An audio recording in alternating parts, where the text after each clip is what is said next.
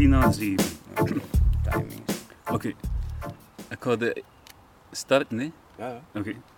Goed, we zijn eh, vanavond eh, aan episode 9 met Luc de Baats. hè. Eh, schrijver, denk ik, corrivee van het karpervesten, maar eigenlijk bijna ex-karpervesser. Maar het allemaal het hè. Zeeltvesser, wedstrijdvisser. Klopt het, Luc? Well, het klopt niet helemaal, want ik vis nu eigenlijk sinds ehm, 2015 weer op karper. Dus inmiddels is dat toch weer Toch weer een aantal jaren. Ja. Vorig jaar heb ik niet kunnen vissen omdat, ik, een, eh, omdat de pees van mijn linkerschouder zo goed als af was. Of operatie gehad. Ehm, dat is heel stroef verlopen. Ehm, ook niet de beste kinesist en uiteindelijk een, frozen shoulder opgedaan. Dus ik was eigenlijk, ik ben een heel jaar oud geweest. Ik heb op het einde van vorig jaar, in oktober, heb ik nog wat gevist. En ehm, ja, een paar leuke, leuke vissen gevangen. Precies alsof ze op mij zaten te wachten. Ja, Ja, om het heel mee af te sluiten. Maar ja, het is weer fulltime karpervissen. en, En met volle overtuiging en, en, en ik ga niet zeggen volle goesting, want daarvoor zijn de omstandigheden te ver af, staan ze te ver af van hoe ik het karpenvissen vroeger beleefd heb. Ik kan dat nooit meer in die mate, daar nooit meer in die mate van genieten, omdat het hetzelfde niet meer is. Maar daar gaan we het straks nog over hebben. ja. Maar ja, veel visserijen doorlopen en allemaal met heel veel overtuiging, met heel veel drive. En ja, van allemaal min of meer in dezelfde mate genoten. Ja, En dat kan moeilijk zijn voor mensen die, moeilijk te begrijpen zijn voor mensen die de focus uitsluitend op karper hebben. Maar er is veel meer in het vissen dan karpervissen, veel meer. En ik ben blij dat ik van veel verschillende dingen eh, geproefd heb. En meer dan geproefd. Helemaal erin gedoken en ja, ja. er mij in ondergedompeld heb. Het moet ergens toch ooit begonnen zijn met, met iets. Ah, Dat is, dat, dat is ja, dat verhaal. Het, verhaal van, ik vis van toen ik vijf of zes jaar was. Ik ging mee met mijn pa. En mijn pa heeft het onlangs nog aangehaald. Ik reed met zo'n fietsje met dikke bandjes. En met eh, wat wij dus in dialect steunwieltjes noemen. Reed ik mee met mijn pa naar het water, drie kilometer ver. En daar eh, zat mijn hele dag aan het water, vaak genoeg. En mijn eerste vissen, dat is een fantastisch mooi verhaal. Ehm, mijn pa, toen hij een beet kreeg op zijn vorenhengel, ja, dan tikte hij die voren aan. En toen zei hij, hou je vast, ik moet plassen. ja? En toen nam ik de hengel vast en natuurlijk die dobber ging onder. Dus ik sloeg aan, dus er ging een vis aan. Ja? En mijn vader zegt, na verloop van tijd, toen ik, eh, hij deed dat dus meerdere keren, dus eh, een vis aantikken toen ik niet keek en dan de hengel aan mij geven, allee, houd ik je vast, hè, ik ga nog een beetje voer maken. Die dobber onder. Dus elke keer als ik die hengel vastnam, ging die dobber onder. Ja? En dat heeft niet lang geduurd voor mijn vader, toen hij eens bijvoorbeeld een kwartier of een half uur geen beet kreeg, dat ik zei, kom geef dan maar aan mij die hengel. dus dat waren mijn eerste vissen. En het vervolg daarop is, mijn pa, die was ook duivenmelker en zo, die had nog andere hobby's en die raakte dat een beetje moe vissen. Maar ik wou wel gaan vissen. Maar ik mocht natuurlijk niet alleen omdat ik te klein was. En op een bepaald moment werd het onhoudbaar, dus mijn ma ging af en toe een keer mee zo.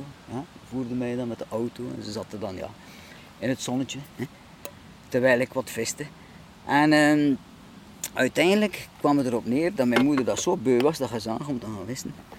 Dat mijn vader en mijn moeder gezegd hebben tegen mij, kijk, zodra je kunt goed een lengte overzwemmen van het zwembad, mag je alleen gaan vissen. Ik denk niet dat er ooit een kind is die zo snel heeft zwemmen. over de bodem. nee, nee, nee, nee. Dat was, allee, eh, het moest en het zou.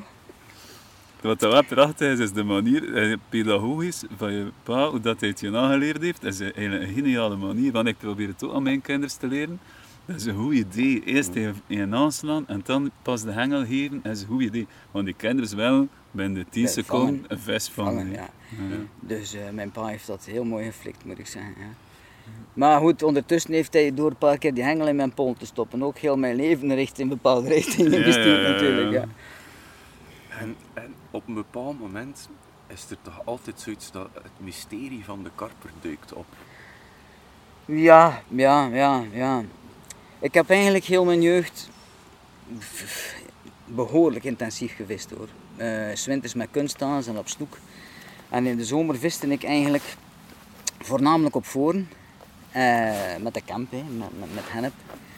En uh, ik had eigenlijk een hekel aan karpers. Want zodra ik drie of vier dagen aan elkaar op dezelfde plek viste met die hennep, ja, werd ik dus aan flarden getrokken met dat voorlijntje. Hè. Dus uh, oorspronkelijk was het een haatrelatie, geen liefdesrelatie. liefdesrelatie. En dan ook op een bepaald moment ben ik veel op zeelt gaan vissen. Vanaf toen ik een jaar of 15 was, heb ik eigenlijk echt, ja, de winter was dan voor en in de zomer was eigenlijk fulltime op zeelt vissen. En dat water, dat is het Patersveld in Aalter, en Aalter, dat leende zich daar ook goed toe, want daar zat ook veel zeelt. En toen op een bepaald moment uh, werd ik eens, ik denk, goh, ik weet het niet meer precies, maar toen ik op een tiental beten werd ik acht keer aan flarden getrokken. Ja. Dus ja, dat waren geen zeelten. Ja. En toen had ik zoiets van, verdorie. En ben ik mij wat gaan interesseren voor, dat, voor, ja, voor, voor die karpers en dan gauw wat lectuur te pakken en zo. Uh, een trip naar Engeland ook uh, gewoon toevallig tegen het boek aangelopen Jack Hilton. Uh, Quest for Car. Ja, in twee, als tweedehands. En dat was, och, ik zat, toen ik op de boot zat, had ik de vonk, was de vonk er al. Sloeg meteen over. Ik had twintig pagina's gelezen en ik wist van, dat wil ik. Ja. Dat is het. Tegen dan had ik een rijbewijs ook. Um, dus ik ben begonnen op karpenvissen eigenlijk gericht in 79 was dat. En dan in 80, dat was op het Patersveld. En ik ving ook al snel wat karpers. Dat was ja, voeren met hennep en tarwe. En uh, ik viste daar toen op met een vlok of met een worm. En ik had al gauw in de gaten dat ik allerlei moeilijke, als ik allerlei moeilijke toestanden in haak ging, dat dat belangrijk niet zo snel ging als gewoon met een worm vissen. Ja, ja. Maar natuurlijk, ja, je hebt gevoerd, hè, je ziet dat er karper op zit. Hè, dus ja, er rolt erin, je krijgt wat, wat luchtballen en zo. Dus ja, dan zit er ook geen andere vis meer op. En dan kun je ook gerust met een worm vissen. Ja. Ik heb dan een paar jaar later, heb ik zo op het eerste stuk van de Damse Vaart, ik kapte daar gewoon uh, een nemmer hennep in. Ja, ik ging een paar uur vissen op het tweede stuk, in Oostkerken ergens. En dan kwam ik terug om te kijken. En als er niks los was, dan ging ik terug naar Oostkerken. Maar er was meestal wel wat los. Want een paar uur na dat voeren was dat allemaal, dat water. Ik ben ooit toegekomen na een uur of drie voeren, dat ik de verkleuring van het water al zag van 20 meter ver vanuit mijn auto. Dat was echt niet normaal. Dat was pikzwart aan water. Dat waren allemaal blazen en bladeren die omhoog kwamen en zo. En dan was er maar één ding waar je een beet kon op krijgen. En dat was een worm. Dus ik viste een worm aan een boltrich, zo gezegd. Dat was dan maar een loodje van 28 gram. Maar dat ging wel de modder in. ja. En die onderlijn was vrij kort, want ik had dat toen inmiddels gelezen van Hutchinson, als hij met particles viste, dat hij met korte onderlijn viste. Ja. Dus dat hij geen bite-offs kreeg en zo. En ik weet nog goed, de eerste keer dat ik op zo'n ravage kwam, op een namiddag had ik 11 karpers op dat eerste stuk. Dat was echt ongehoord, echt ongezien.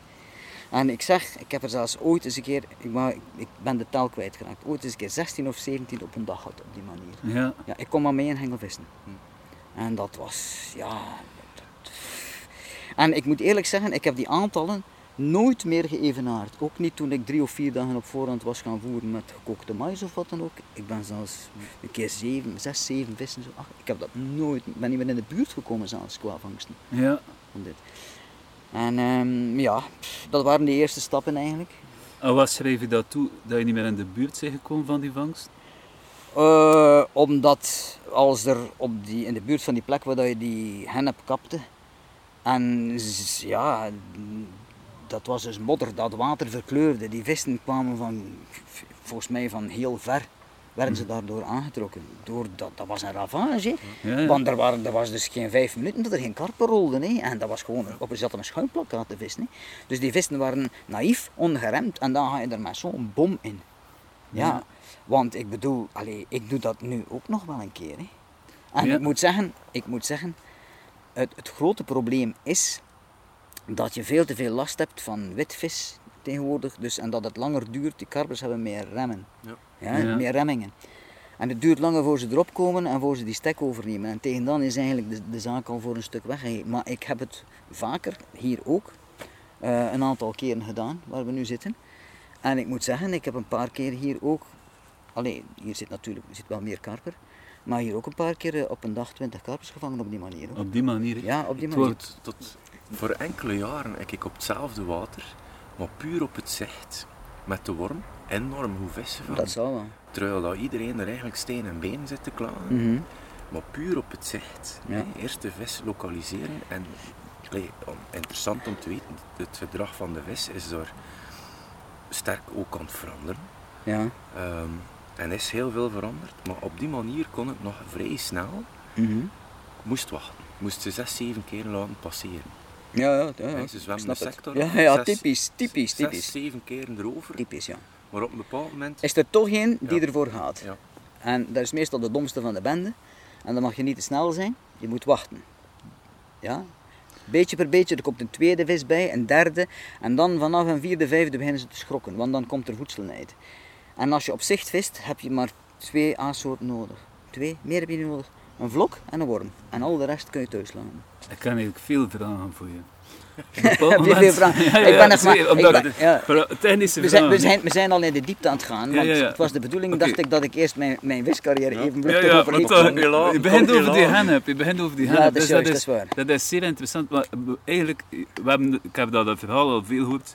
Je gooit hennep in de kant en heel het bestand komt eigenlijk in de kanthuizen op die hennep. Maar dan is het Mm, moeilijke, Heel bestand is, is veel gezegd nog. ja, voilà, volgens de verhaal.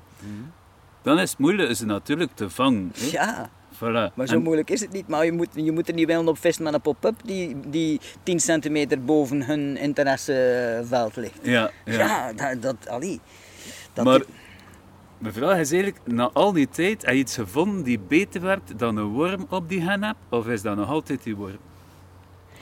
we, we zijn al in de diepte aan het gaan, maar goed, oké. Het mag, geen probleem. Ik heb, ja, een- ik kan, heb nog, een- ik kan nog technische Ja, ja, dat zal wel. Laat, ze, laat, ze maar, laat ze maar komen. Dat is ook een beetje de bedoeling. Maar, eh, en je mag mij gerust uitdagen. Ehm, iets beter. Kijk, het hangt ervan af wat je wilt. Want ik moet zeggen, je krijgt niet altijd zo'n vreed orgie hoor, op die hennep. Je mag, dat mag je vergeten hoor. Als je denkt dat je ergens eh, een hoop camp eh, erin kapt en dat je binnen het uur tien hebt, dat kun je schudden. Dat kun je vergeten. Dat gaat misschien één keer op de tien keer gebeuren. Ze moeten goed los zijn, het moet op de juiste plek zijn enzovoort. Je moet er ook, je moet er ook niet eens twee of drie keer langs lopen, want dan duurt het drie of vier uur voordat er eh, een klein beetje geaast wordt. Dus er zijn heel veel beperkende factoren. Ja. Heel veel. Het kan ook gebeuren dat je er met een pop-up, ja, dat je er die worm gaat uitvissen. Als die vissen niet volop erop gaan, maar er wel over zwemmen en er langs zwemmen, heb je meer kans dat je één of twee vissen vangt op een pop-up die ze meegraaien, dan dat je met een worm zit te vissen. Dus niets is absoluut. Niets Ja. is absoluut in het vissen. Maar het zijn allemaal pijlen voor in je koker. En op het juiste moment, op de juiste plaats, kun je daar ja, veel meer mee vangen dan met die pop-up. Ja. Maar, en dan is het meestal een kwestie, als je die hen hebt gegooid hebt en zo, van de boel in de gaten te houden. En als het de dag zelf niet gebeurt, dan soms de dag nadien dat ze er plots op gaan. En aan het gedrag van de vissen op die hennep kun je je tactiek afstemmen. Want dat is het woord voor mijn vissen. In het wedstrijdvissen. In alle visserij die ik gedaan heb, in de karpenvissen. Vissen is maar één ding, mensen. Als je de basis onder de knie hebt, je hebt de basisvaardigheden, is er maar één ding dat telt. Twee, de vis vinden.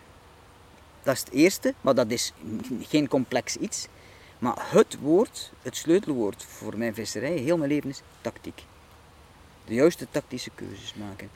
En daar speelt ervaring een zeer grote rol in, want je kunt dat niet filmen, tactiek. Dus je kunt dat niet in filmpjes tonen wat tactiek is, want het is inspelen op de situatie van het moment. En dat is de essentie van vissen. En dat is waarom iemand met ervaring altijd op het einde van, van de rit meer zal vangen dan iemand die die ervaring niet heeft. Hoeveel filmpjes hij ook heeft bekeken. Of Ja. hoeveel boeken hij ook heeft gelezen. Ja. Vissen kun je leren, maar het is niet iets wat je kunt leren op twee of drie jaar. Ja. En als je goede visser wilt worden, dan moet je eraan beginnen op je tien jaar. Want als je die, die jaren van je jeugd niet hebt, dat kan je nog heel moeilijk dichtrijden. Dat, gat. Ja, ja. dat is mijn gevoel.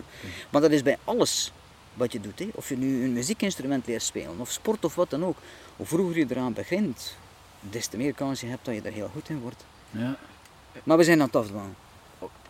Ben je ermee akkoord als ik zeg dat vissen een denksport is? Ja, natuurlijk is het een denksport. Want ik bedoel, ik heb in mijn leven veel meer uren nagedacht over het vissen dan dat ik gewist heb. Ja, en ik denk dat dat voor veel mensen opgaat. Ik hoop het, ik hoop het. Ja, ik, ja. Maar goed, waar waren we gebleven? Bij die hennep, ja. Oké, maar alweer, je kunt die hennep gebruiken, maar je kunt hem op verschillende manieren gebruiken. En het is afhankelijk van wat de vis op dat moment wil doen voor jou. En daar is het altijd van afhankelijk. Ja. Maar goed, dat, we zitten nog maar in dat prille stadium van dat karpenvis. Nee? Ja, oké. Maak ik het verhaal nu even af, want Ja, ja, ik was al aan het uitweiden. Maar dus, op het eh, einde ga ik nog terugkomen dan op die worm. Ja. Ja, ja, ja. Mag je ook nu hoor, als we dan terug... Ja, maar dan ga ik nu vragen. Heb je nog nooit geprobeerd van een hoop worm in een blender te steken, daarmee een bedje te maken en daar een worm op te vissen? Nee heb, ik, nee, heb ik niet gedaan, maar ik weet dat het enorm goed werkt. Ja, Eh, wormen door de blender, dat heb ik geprobeerd. Ik heb dat één keer gedaan op zeelt. Maar het probleem is dat je de goede wormen heel slecht te pakken krijgt. Want als je dat doet met die gekweekte wormen, of die dendrobena's, of mestpieren of zo, dat werkt niet. Je moet de dauwpieren hebben en je moet er dus veel hebben voor je kunt gaan hakken.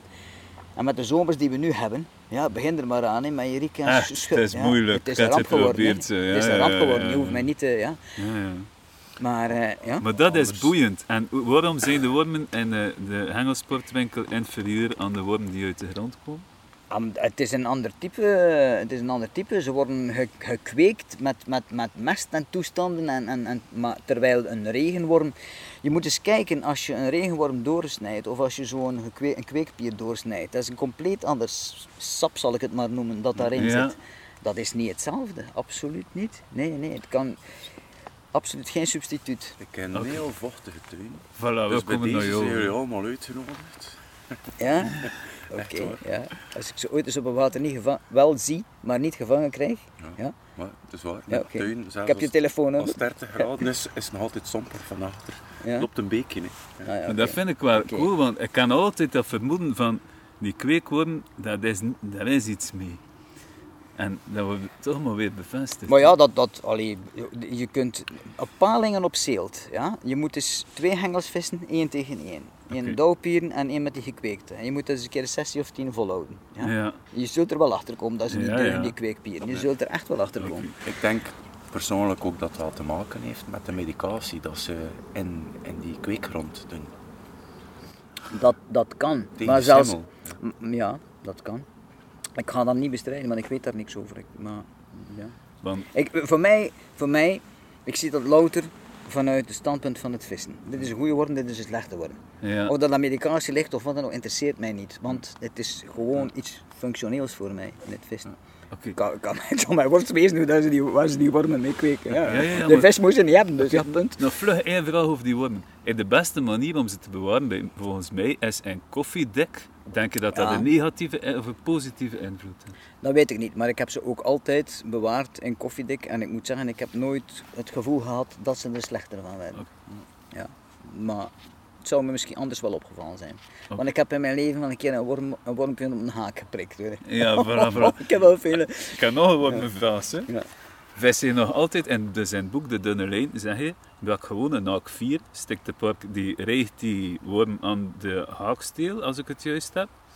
En dat zit, dus niet met een onderlijn. Terwijl dat nu toch de hype is van kebabberichts te maken met, met wormen. Ja, maar goed, dit, dit, wordt, dit wordt te technisch nu. Ik Oh, bedoel, nee, dat is allee. je, dat, ik Allee, wordt te technisch, het is... Nee. ben nog maar begonnen. Ja, oké, bon. Nee, te technisch in die zin Ja. van... Ik stel mij daar weinig vragen bij. Ja. Als ik dus een worm heb en ik prik die op de haak... Ja. Ja. en die zit zoals hij moet zitten, ik schuif er dan iets achteraan natuurlijk, dat hij niet kan afglijden. Ja, Ja, je klopt, moet er ja. een foompje of zo eh, op je Mhm. haak stoppen en zo. Dat is voor mij oké. Misschien dat ik beter zou vangen als ik een 4 of 5 opsteek. Ik, heb nooit, ik heb het nooit geprobeerd. Ik heb nooit, het, nooit het gevoel gehad dat ik dat nodig had. Maar mijn bedoeling was vroeger ook, toen ik met die wormen viste, op karper, hè, dan was het altijd eigenlijk met, op die hennep. Of, of toch, toch heel vaak op die hennep. Ja. En dan moest je een boltrek hebben of je kreeg van die bite-offs. Dat herinneren jullie nog wel. Ja, klopt. dat die ja. worm gewoon naar binnen gaat, dat die in die keeltanden eh, gewoon vermalen wordt en zo. En dat je dan, ja, je krijgt een paar twitches, een paar, hè, nu zouden we zeggen, we kregen, kregen een paar piepen, een paar bliepen. En het draait een half uur later in. En de helft van je onderlijn is weg en is een beetje plat gebeten. Klopt, ja. Dus ja, ik heb die altijd gewist met een blote haakpunt, één worm, omdat je dan het bolt-effect krijgt. Ja, En dat je dan inderdaad, als die vis dat onderlijntje strak zwemt, dat je dan echt wel prikt en dat er iets, iets gebeurt. oké. Ja. Is dat een Voilà, antwoord Ja, op je ik vraag? ben, ben rond met mijn, met mijn Oh, wormen eh, Oké, vragen. ja, het is vroeg. Dat is ook maar één alinea in het boek, dus we kunnen nog veel vragen stellen. Ja, ja, maar, maar allee, ik, zal, ik zal het chronologisch verloop van mijn visserij. Voilà, doe maar, want dat was, was eigenlijk de bedoeling, denk ik, eh, Ja. om mee te starten. We zaten op een punt, rijbewijs. Mhm. We zijn dan Ja, rijbewijs en dan natuurlijk, eh, ja, ik zat al aan de Damse vaart met mijn auto, in mijn verhaal. Ehm, ja, eerst wat op de kreken, eh, onder andere eh, in Zeeuws-Vlaanderen. Dan eh, er was ook een put, een putje in Kneslaren. En daar heb ik veel geleerd. Het was zo privé, maar ik mocht erop vissen als ik af en toe een beetje gras maaide en zo. En ehm, dan, eh, ja, dan is eigenlijk de stap gezet naar die Damse vaart. En eh, oorspronkelijk op het eerste stuk, het stuk van Brugge, voornamelijk op het WK-stuk. En dat was dan inderdaad met hennep en eh, eh, soms wat tarwe erbij. Maar ik moet zeggen, de karpers verloren zich nog het meest, dus waren nog het meest gepreoccupeerd als het puur hennep was. Als ik er dan gebroken gekookte mais bij deed of gekookte hennep, dan kon ze daar ook echt serieus op losgaan. Maar ik had het gevoel dat de grootste vreedorgieën die ik meegemaakt heb, waren altijd puur hennep. Dus ja, die Damse, dan eh, natuurlijk, ja, dan, inmiddels was het 83. Eh, de, het boek van Maddox was uit. Eh, dus dat was het begin van de Bolies en de Herig. Hoewel ik in 83 nog met deegballen, want dat is een stadium, dat, iets wat ik nu overgeslagen heb. Wij wisten dus met mais, met, met, met, met van alles. Maar vooral met deegballen. En de grote stap vooruit was wanneer we die deegballen, of dat nu troefiet was of iets anders, begonnen aan te maken met een paar eieren die we bij het vocht deden. Dus in plaats van met water, was dat met water met een paar geklutste eieren erin. En dan dompelden we die deegballen, we rolden die allemaal mooi op voorhand, zoals je nu bolies zou rollen, maar het waren er wel met een diameter van ja, 4 centimeter, 3 of 4 centimeter. En eh, je, je kookte die, je dompelde die onder en dan kreeg je een soort, natuurlijk een harde buitenkant, zoals je zou hebben met een zachte bolie. En dat wou, dat wou zeggen dat je kon gaan voeren. Want als je met troefie deegballen ging voeren, en die waren niet geskind, zoals ik zeg, die vielen gewoon open. En al wat je deed was een hoop brasems verzamelen. En eh, die geskinde deegballen, dat was het eerste grote doorbraak. En ik weet goed dat ik in de Johnson, dat is een van die putten in Oostkamp, dat ik daar eens een keer gewoon met twee hengels, met zilverpapiertje en gewoon deegballen op de haak gekneed, met dan een stukje korst in de, borst, in de, in de bocht van de haak, zodanig dat je de deegbal er niet afgooide. Dus gevoerd met die geskinde deegballen, maar dan natuurlijk met een gewone zachte deegbal die je kneden. Hè. En zet je op de haak. En dat was dus echt ook met de haak en het aas nog. Eh, dus als jullie denken dat wij met die primitieve dingen geen vis vingen, dan heb je het mis. Want ik heb door die Johnson ooit eens een keer meer dan 90 kilo karper op een dag gevangen. En dat waren vissen van 6, 6 kilo gemiddeld, hè, 6,5 kilo gemiddeld. hè. Zelfs in die mate dat ze het, eh, want er stond er een kantientje bij, dat ze het Brugs Handelsblad belden om de reporter te sturen om foto's te komen maken. Dus dat sloeg wel in toen, moet ik zeggen. Ja, dat was zo'n wedstrijdput en ze hadden dat daar in de verste verte nog nooit meegemaakt natuurlijk. En ze hadden veel meer karpers op dan, dan wie dan ook vermoedde. En de eerste, mijn eerste PB heb ik daar nog gevangen. Een hele mooie schub van 13 kilo. Dat heb ik een paar keer gevangen. Eh, de volgende stap, ja, zoals ik al zei, de Damse vaart. Dan eh Jaap de Blik leren kennen, die inmiddels al een hele poos geleden overleden is. Jammer genoeg, maar een toffe gast. En ehm, ja, dan voornamelijk op dat tweede stuk geweest. Want op dat eerste stuk had ik, ik weet niet meer hoeveel hoor. Ik, ik, ik zou het ook niet meer kunnen checken, want die oude dagboeken zijn, heb ik weggegooid nadat ik de dunne lijn had geschreven. Want de dunne lijn is gebaseerd op, op stapels van dagboeken. En ehm, dus dat eerste stuk had ik, ik denk inmiddels al heel zeker 100 karpers gevangen. En dan was het het serieuze werk, het tweede stuk, hoeken en zo. Want daar zwommen 20 ponders en zelfs reusachtige vissen. Dat, dat reusachtige viel wel wat tegen, moet ik zeggen. Maar inderdaad, daar vingen we af en toe toch. Ik denk dat er in die beginperiode een stuk of 6, 7, 20 ponders op zaten. En dat was toen heel wat.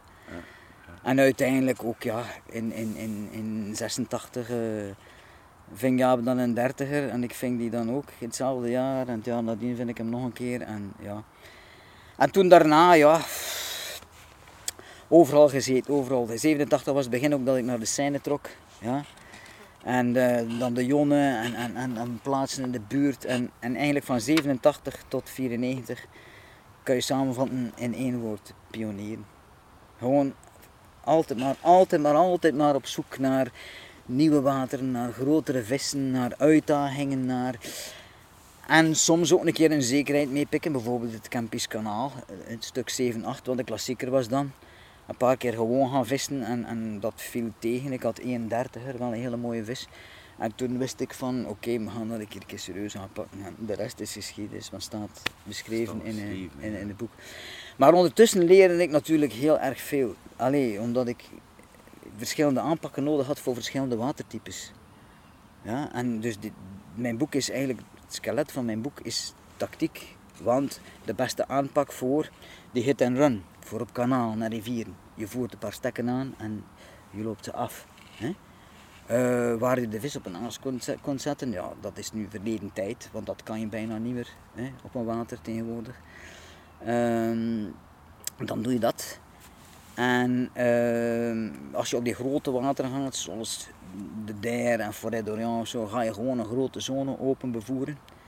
En wat de meeste mensen vergeten zijn, het cruciale is daarbij dat je dan s'nachts niet vist. Dat je de vis de tijd geeft om zich te vermenigvuldigen. Er komen steeds meer vissen bij en ze komen toch terug hoor. Ze komen toch terug overdag. En iedereen is altijd bezig over dat nachtvissen. Maar ik zeg altijd, als je ze s'nachts wegvangt, kan je ze overdag niet meer vangen. En ik heb liever altijd, nu nog, heel mijn, de hele tijd dat ik op karper gevist heb, heb ik altijd geprobeerd om mijn vissen overdag te vangen. En ik moet zeggen, in 9 van de 10 gevallen, minstens in 9 van de 10 gevallen, ging dat perfect. En dan ben je ook uitgerust. Kun je echt genieten van je visserij, want je slaapt gewoon, je haalt die hengels in, je slaapt 6 uur, je bent weer fit. En overdag is het weer gaan, gaan, gaan. En moeilijker dan dat is het niet. Hè. Maar er is zoveel focus op die nachten mhm. momenteel. En nu maak ik de sprong naar het heden. Er is zoveel focus op die nachten. Ik denk dat de meeste mensen zeer onproductief vissen qua uren en resultaat. Zeer onproductief. En hoe komt dat? Dat is dat vissen, dat is overdag gaan werken, thuiskomen, een douche nemen en naar dat water, en dat is naar dat water slapen. En uiteindelijk zit je in een soort vicieuze cirkel die zeer onproductief is. Maar goed, nu zijn we nee, nee, weer nee, ergens anders aanbeland en daar kunnen we het straks nog over hebben als we het over het heden hebben. Het mensengedrag beïnvloedt het vissengedrag. Hè? Mm. Man, daar kan ik straks een boom over opzetten. Oh. Maar als je dat straks nog eens aankaart, dan gaan we daar eens over, over praten. Want dat is uh, die conditionering. De meeste mensen hebben geen flow benul hoe ver dat gaat. Ja, het is, het is fenomenaal aan ja. Zelfs gewoon wandelen. Hè? Als je voorbij een water wandelt, zoals bijvoorbeeld nu de Damse Vaart, hè, of veel water die ik ken hoor. Je wandelt daar voorbij of je fietst daar voorbij. Die karper die verroert geen vin. Die blijft daar liggen aan dat oppervlak, in een gat in dat wier. Die en je mag daar voorbij wandelen, vijf of zes keer. Die karper blijft liggen. Maar stop en kijk naar het water. En je ziet zo die karper wegzakken. Dat is onvoorstelbaar. Hoe geconditioneerd die beesten zijn. Op, ja, ja. Ja, ja. Er is ook een heel alarmsysteem. Vanaf dat je hier dat bos binnenkomt, die vogels stoppen met mm. fluiten, alles valt stil. Die beesten weten dat ook aan het wat. Ik ga eens een keer iets vertellen, want dat is zeer interessant. Uh, ik ken een watertje waar als je alleen komt vissen op de witvis, of twee mensen of zo, dat je behoorlijk je vis kunt vangen. Maar ze vissen daar ook wedstrijden. En zodra er een aantal auto's aan dat water komen, meer dan twee of drie zal ik maar zeggen, en er komt een drukte, gaat die vis gewoon op slot. En de gewichten in die wedstrijden zijn om bij te janken gewoon. En Ik vis ook wat op karper op dat watertje. En ik kan, als de wedstrijd gedaan is, ik kan geen beet versieren op karper. Gaat niet. Maar als het s'avonds begint te schemeren, opeens zie je die vissen rollen, springen en paf, die hengels lopen af. Maar iedereen moet weg zijn. En dan pas krijg je je beet. Dus dat is nog een mooi voorbeeld van hoe geconditioneerd die vissen zijn. Ik- wij hebben, allee, de meeste mensen hebben totaal geen benul hoe ver dat gaat. Mhm. En hoe ver dat gaat. Maar daar straks kunnen we erop terugkomen, want ik heb daar nog wel wat verhalen over. Ik heb een paar hele sterke verhalen die er mij aan denken. Eh, van vissen die bewust op zoek gaan naar lijnen en zo. En ik heb daar de bewijzen voor. Eh, ik heb het allemaal met mijn eigen ogen gezien. Daar gaan we Ja, straks, ja. gaan we straks over hebben. Dus dat was mijn karperperiode. Ja, het eigenlijk geculmineerd, steeds grotere vissen, steeds grotere wateren, steeds... En mijn laatste jaar was 94. En toen eigenlijk, ik had in 92 had ik op Dudaire gezeten, eh, in 93 op Orion. En ik was verzadigd. Ik was precies zo wat klaar. En dan heb ik nog een jaar, en dan mag ik wel zeggen, echt gepioneerd. Ik, ik heb uitsluitend in 94 op de moezel gevist. En ik heb bij momenten heel hard tegen mijn tanden gehad. Omdat ik gewoon op stukken ging waar ik niks van af wist. Gewoon rondlopen. S'morgens vroeg rondlopen, s'avonds rondlopen om vis te vinden enzovoort. En ik heb een aantal grote vissen gevangen op de moezel eh, dat jaar. Maar die waren afko- afkomstig van het stuk dat in verbinding staat met Lamax. Mhm. Maar wel op de rivier zelf. Ja. Heb ik een aantal eh, grote vissen gevangen. Die staan trouwens in mijn boek. Maar op die andere stukken heb ik nooit iets gevangen dat spreken waard was. Veel kleine schubben en zo. En dat was mijn zwanenzang. Ik heb veel rust gehad en veel echt in on ongerepte omgeving kunnen vissen en zo. Maar ik was ermee klaar. Ik was er echt mee klaar en dat werd heel duidelijk dat jaar dat ik, ja, ik had het allemaal gehad. Ik had, in, in een heel hoog tempo was ik overal doorheen geraast. Het gevoel dat je zelf begon te herhalen. eigenlijk? Oei, Ja, want ik had voor ieder water de beste aanpak. Ik heb het net gezegd, je hebt die hit en run, je hebt dat zone voeren en je hebt dat vis op een aas zetten. Dus afhankelijk van het type en de mogelijkheden die ik had, wist ik van als ik dat doe is het kassa, is het bingo. Ja? En voor de rest, op die grote wateren en, en op, die, op, op, de boezel en om het even maar, je moest gewoon de vis vinden. Je moest gewoon de vis vinden. Dat, ja. En het grote probleem is dat ik heb altijd lesgegeven, dus ik kon alleen maar naar Frankrijk in de maanden juli en augustus. En dat zijn verdomd zeker niet de beste maanden. Het zijn ook maanden waarin die vissen zich niet echt goed tonen, waar ze heel moeilijk te, te vinden zijn soms. Ja? En ehm, ja, ik was er klaar mee. Waarom? Omdat ik het gevoel had dat ik in een keurslijf zat. Dat ik, ik zag niet meer, ik zag geen richting meer waarin ik nog kon evolueren. Ja, en waarschijnlijk minder ook geluksgevoel, minder kick van het vangen. Maar ja, ik had mij compleet verzadigd gevist. Al ik bedoel, die, al die grote vissen op campings, Benelux Ja. record enzovoort. Eh, Als je ziet wat wij vingen op Orion en zo. Dudaire ook, man. Ik bedoel, er staan niet zoveel vissen van Dudaire in mijn boek. Maar man, dat was niet normaal. Ik heb er dus met alleen maar mensen op een eiland gezeten, vier dagen of zo. Ik bedoel, na anderhalve dag waren mij volledig de taal kwijt. Trouwens, de coverfoto van eh, de dunne lijn is genomen van een eiland op, eh, op eh, Lac Dudaire. Foto genomen door Michael Vlosdorf, mijn, eh, mijn Duitse vriend, die goed was met de camera. En dat, dat, dat, dat somt het op, hè. Die foto's somt het allemaal op, hè. Gewoon, ja, heel groot water en, en, en harken, harken, harken. Was je, was je nog op, op je gemak? Lieten ze je nog met rust? Het begon. Want eigenlijk, en daar wil ik ook nog over praten. Ik ben, als ik zou terugkeren, zou ik het wel een beetje anders doen. Maar eigenlijk ben ik gestopt op Orion. Want al die wateren, daar was ik een van de eerste. En het was ook door pionieren. Het was niet door horen zeggen, want je kunt, je kunt dat navragen. Ik ben met Ronnie de Grote naar Frankrijk gereden. En we hebben daar een paar dagen rondgehangen aan Dudaire. En s'nachts daar slapen en luisteren als we of zo. We wisten nog niets, hè mensen. Grote plas water, er zit karper op en dat was het. Hè. Dus ik ben eh, met Ronnie de Grote en dan daarna nog met Gies Nauwaard naar Orion geweest. Daar overdag rondlopen, s'nachts daar slapen en ook veel wakker zijn, luisteren en zo. En ik denk dat het ook ergens, dat ik daarna verwijs in mijn boek. dat wij geen enkel teken van karper zagen. Nee. Een paar dagen en nachten daar rondgelopen op Orion en geen enkel teken van. Want toen ik daar voor de eerste keer naartoe reed met chef van den Oven, geen flauw benul wat wat wij konden verwachten. Nee. Want ik schrijf het ook, de eerste, wat was het, zes of zeven of acht vissen, dat was de grootste 14 kilo. Zoiets. ja, en wij wisten van niet beter van, ja oké, het gaat hier hetzelfde zijn van op de der. Veel vis, maar ja, weinig zwaargewicht. niet. Maar dat is natuurlijk wel eh, anders uitgedraaid. Anders lopen, ja. Ja. Blijkbaar. Ja, ja, ja. ja. Mhm. Het was, het was over. Ja, het was over, het was over. 94, hè. Voor in 94. Ik had zoiets van, waar moet ik nu nog naartoe? Man, man, man. Goh, waar moet ik nu nog naartoe? Het, begon, het moest nog allemaal beginnen. Mhm. En ik had het gevoel dat, het, dat ik het allemaal gehad had. En achteraf bekeken, maar daar kunnen we het straks nog over hebben. Eh, achteraf bekeken had ik misschien beter nog een aantal jaren doorgegaan. Toch tot twee, twee, ongeveer tot 2000 of zo. Dat wedstrijdvissen had ik dan nog kunnen doen. Alhoewel, tegen 2000 was ik dan toch al 41 en zo. En als je dan nog aan iets moet beginnen, ging het nog wel gered hebben hoor. Maar, eh, ja.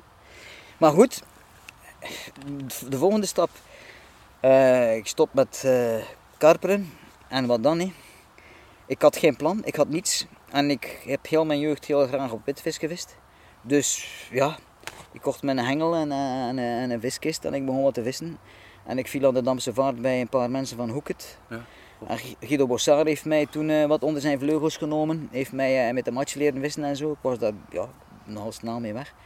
En dan in de club, het eerste jaar was ik tweede na Guido Bossard. Het tweede jaar was, hij, weet- was hij tweede. Joël, was hij er ook nog in? Ja, Joël zat daar ook nog in, zat daar ook in. En nog wel wat, wat mensen die, die, die nu nog meedraaien. ja, ja. En dan, eh, dat was dus eerst met de match. En dan ondertussen ook met de vaste stok aan het vissen en zo. En eh, ik viste wat wedstrijden, clubwedstrijden met Hoeket met de match. hè. Maar dan viste ik eh, voor het eerst eh, een wedstrijd ehm, met de een combinatie van de match en, en, de, en de vaste hengel. En ik val naast een A-internationaal. Dat was mijn eerste wedstrijd buiten clubverband. Dus echt, een, ik ga het niet noemen, maar eh, je weet wat een A-internationaal Ja, is. Er ja. zijn er maar een stuk of tien eh, in België van die a En ik, ik, ik win, ja, en ik had vier kilo meer dan hem, denk ik. Ik had zoiets van, I must be doing something right. Wat is er nu gebeurd? Ja, dus, allee, ja, maar ik zag ook al toen, en dat gaat misschien arrogant klinken, maar het is wel de waarheid. Ik zag ook al fouten die hij volgens mij maakte. Toen hij naast mij zat. En daar zijn we aanbeland bij die tactiek. Ik heb mijn carrière op het wedstrijdvissen gemaakt met mijn hoofd. Puur tactisch, omdat ik geconditioneerd was van in dat karpenvissen, tactiek is alles. En in dat wedstrijdvissen is het heel snel gegaan toen. Hè? Want ik bedoel, het eerste jaar dat ik deelnam aan een Belgisch kampioenschap, dat was Belgisch kampioenschap match, had ik brons. Ja. En eh, tweede jaar in 97 win ik met de vaste stok en pak ik zilver met de match. Dus dat was mijn tweede jaar dat ik was. Dus ik, ik was heel snel eh, mee met de zaak. ja. Puur tactisch. hè. En puur tactisch, want ik ga daar straks een aantal dingen over vertellen. Ja, ik, er gaan veel mensen in hun haar krabben daar. Hoor. Ik ga dus 10 minuten vertellen over hoe ik kan er dagen over vertellen. Over verschillende wedstrijden en verschillende dingen die ik gedaan heb op tactisch punt. Maar ik ga er een paar uitpikken en ik denk dat een paar mensen toch serieus in, in hun haar gaan krabben. Maar dat is voor, voor, voor straks als we in de diepte gaan. Dus ja, toen, toen ik daar... Ik heb wedstrijden gewist van eh 96 tot 2008. Dat was 12 jaar eigenlijk.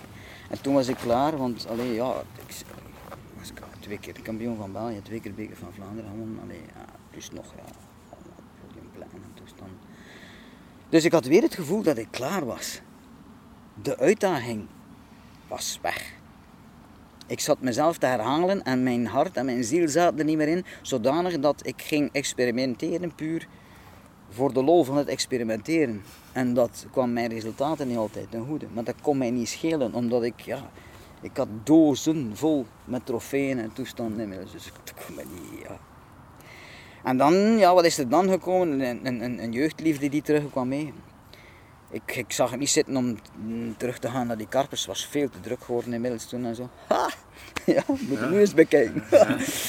dus ja, nieuw. En dan de jeugdliefde, die zeelten. En op zoek gegaan naar waar grote zeelten zitten en zo. En dat bleken maar een paar wateren te zijn in België. Dat waren dan ook wateren waar grote karpers zaten. En dat was net het probleem. Het probleem was tweeledig. Ten eerste waren er maar een paar wateren in België. Die waren ook zeer populair bij karpervissers. Zodanig dat ik quasi nooit op de goede stekken kwam waar ik moest zijn om die zeelten te vangen. En ten tweede, zeelten zijn maar vlot vangbaar van eind maart tot eind juni. Dat is drie maanden op een jaar. Je hebt wateren waar je in oktober nog wel een keer een dag of drie of vier hebt op die maand. Dat is een keer echt vol los zijn. Dus ik moest daar iets anders bij doen. En dat zijn dan die barbelen geworden op de Maas. Dus dat, dat is geëindigd omdat er weinig mogelijkheden waren. Dat ik op de goede stekken niet kwam. Dat ik, allee ja, dat was ook maar drie maanden. En ik ben dan al gauw op die barbelen eh, meer gaan, mij gaan toespitsen. En om een idee te geven van, het was ook weer puur allemaal tactiek. Niet zozeer bij die zeelt, maar bij die barbelen. En om dat te illustreren, de eerste keer dat ik naar de Maas ging, dat was, mensen mogen dat weten, want dat heeft met karpers niks te maken. Dat was in Godin en daarna in Hastière was dat. Mijn eerste weekends op Barbeel, dat was eh, drie vissen, vier vissen. En na een jaar of drie, vier had ik meestal tussen de 40 en de 50 vissen op dezelfde vistijd. Een weekend. Dus dat was maal 10 op een paar jaar tijd. Puur. Maar dat was fenomenaal, want dat waren nieuwe visserijen. Ja, waanzin. Maar alweer puur tactisch. Je gaat één voor één je fouten elimineren. En op de duur vis je quasi perfect. En dat is, ja, als, je, als, je quasi, als je bijna geen fouten meer maakt, mensen, in het vissen, dan vang je gewoon veel vis. Volledig. Allee, ik zou dat eigenlijk graag bijtreden, want ik zie mensen, als ze iets veranderen, ze veranderen alles. Hè, van aas naar stek naar rig, wordt alles wordt in één keer veranderd. hè. Eén voor één moet je doen. Aspect voor respect. We zitten hier nu aan een, mijn testwatertje. En ik vis hier altijd als ik kom. Ik kom hier alleen maar om dingen uit te testen. Nieuw aas, dat is dan een keer of twee, drie, eh, klein beetje voeren zo en een keer voelen wat ze doen. Ik heb hier mijn rigs op punt gezet. Ik vis een andere pop-up rig dan om het even welke andere karpenvisser. Ik vis een andere bodemrig dan om het even welke. Ik vis mijn eigen rigs en niemand anders vist die. En ik beweer bij hoog en laag dat mijn rigs beter zijn dan de courant gebruikte rigs. Want ik heb er hier een paar jaar aan getimmerd en geperfectioneerd. En ik vis altijd, maar altijd twee hengels op mijn testwater. En het zijn nooit twee dezelfde rigs. Nooit, altijd. Twee verschillende rigs. Of eh, ik combineer dat met twee verschillende A-soorten. Of ik combineer dat met twee verschillende voerstrategieën. Wel, ik denk, ik vind dat fantastisch goed verwoord, want ehm, e- eigenlijk Luc de Baats tot 1994 hè, zat, zat nog in de pioniercultuur van het karpervissen. En ik denk dat we nu echt in een copy-paste cultuur beland zijn. Ik zie nog weinig mensen echt zoeken naar, naar eigen oplossing. Maar je moet ook niet zoeken allee, voor het zoeken, allee, omwille van het zoeken. Nee? Je moet gericht, je moet iets in je hoofd hebben en zeggen van kijk, dit zou moeten een verbetering zijn. Maar we gaan het toch maar eens proberen. En dan ga je die verbetering, dan voel je als erin, ga je ga je die zitten fine-tunen. Dus je moet niet gaan testen voor, allee, louter voor het testen. Je moet met een doel, je moet een doel voor ogen hebben. Wat wil ik bereiken? En dan moet je op weg naar hm, het zoeken naar hoe je dat het best kunt bereiken. Dus ja, maar ik moet zeggen mensen, neem, dat, neem mij dat af. Dat zoeken en dat evolueren en dat bijleren. En ik stop er op slag weer mee, want dat was de reden waarom ik gestopt ben met al mijn visserijen. Omdat ik het gevoel had dat ik niet meer evolueerde. En dat het ook geen zin had om te zoeken omwille van het zoeken ja, dat ik die visserij voor mijn, naar mijn gevoel geoptimaliseerd had. En dat ik zoiets had van, ik heb honger naar bijleren en ik zal maar weer iets anders doen. En dat is het hele verhaal. De cirkel is rond. Omdat ik niet meer kon, niks meer kon bijleren, had ik het gevoel ook niet op aasgebied. Hè. Ik wist echt heel goed wat die barbelen lusten hoor. Wat, ze- waar ze tevoor kunnen gaan. Dus ja, er is ook, zit ook geen druk op die vissen, op die zeelten en op die barbelen. Dus op een paar jaar ben je daar klaar mee. Want je weet hoe, het hoe je het spelletje moet spelen om je zo, zoveel mogelijk te vangen. En dan valt de uitdaging weg. En inmiddels was dat karpenvissen zodanig veel geëvolueerd. En had ik zodanig veel beperkingen in mijn andere visserijen. Want ik bedoel, die zeelten, dat heb ik net verteld. Maar ook bij die barbelen, hè, toen ik daar zat, aan de Maas, hè, zeker in Hastière. Uh, kwamen ze bij mij en ze zagen dat ik met licht materiaal uh, viste. Pas op, ik ving veel karpen hoor. Uh, ja, meer dan toen ik er nadien gericht op ging vissen. Op dat stuk. Maar die gasten zagen, die, die, die, mensen die op bezoek kwamen, die zagen, ja, oh, lichte hengeltjes en kleine molentjes en wat, doe je hier? Je vissen, je hebt karper. Ja, zo smalend, zo, neer, nee. En ik zei, nee, ik vis op barbeel. En vanaf dan van, was dat eigenlijk carte blanche voor hen om op 30 meter naast mij twee hele ketels particles erin te flikkeren. Ja? Want ik viste toch maar op barbelen, dus ze namen mij niet au serieus. Dus ik moest wijken voor de ernst van het karpervissen. Oh my God. Want dat is serious business. Ja? Dus ik heb dat een paar keer meegemaakt en toen had ik het ook wel gehad, moet ik zeggen. Ja? En met het zeeltvissen hetzelfde. Oh, je vist toch maar op de tinken. Ja, laat dat maar uh, in die hoek. Uh. Ja, ja, uh, ja je, je wordt, en dat is iets wat ik, waar ik het zeer moeilijk mee heb.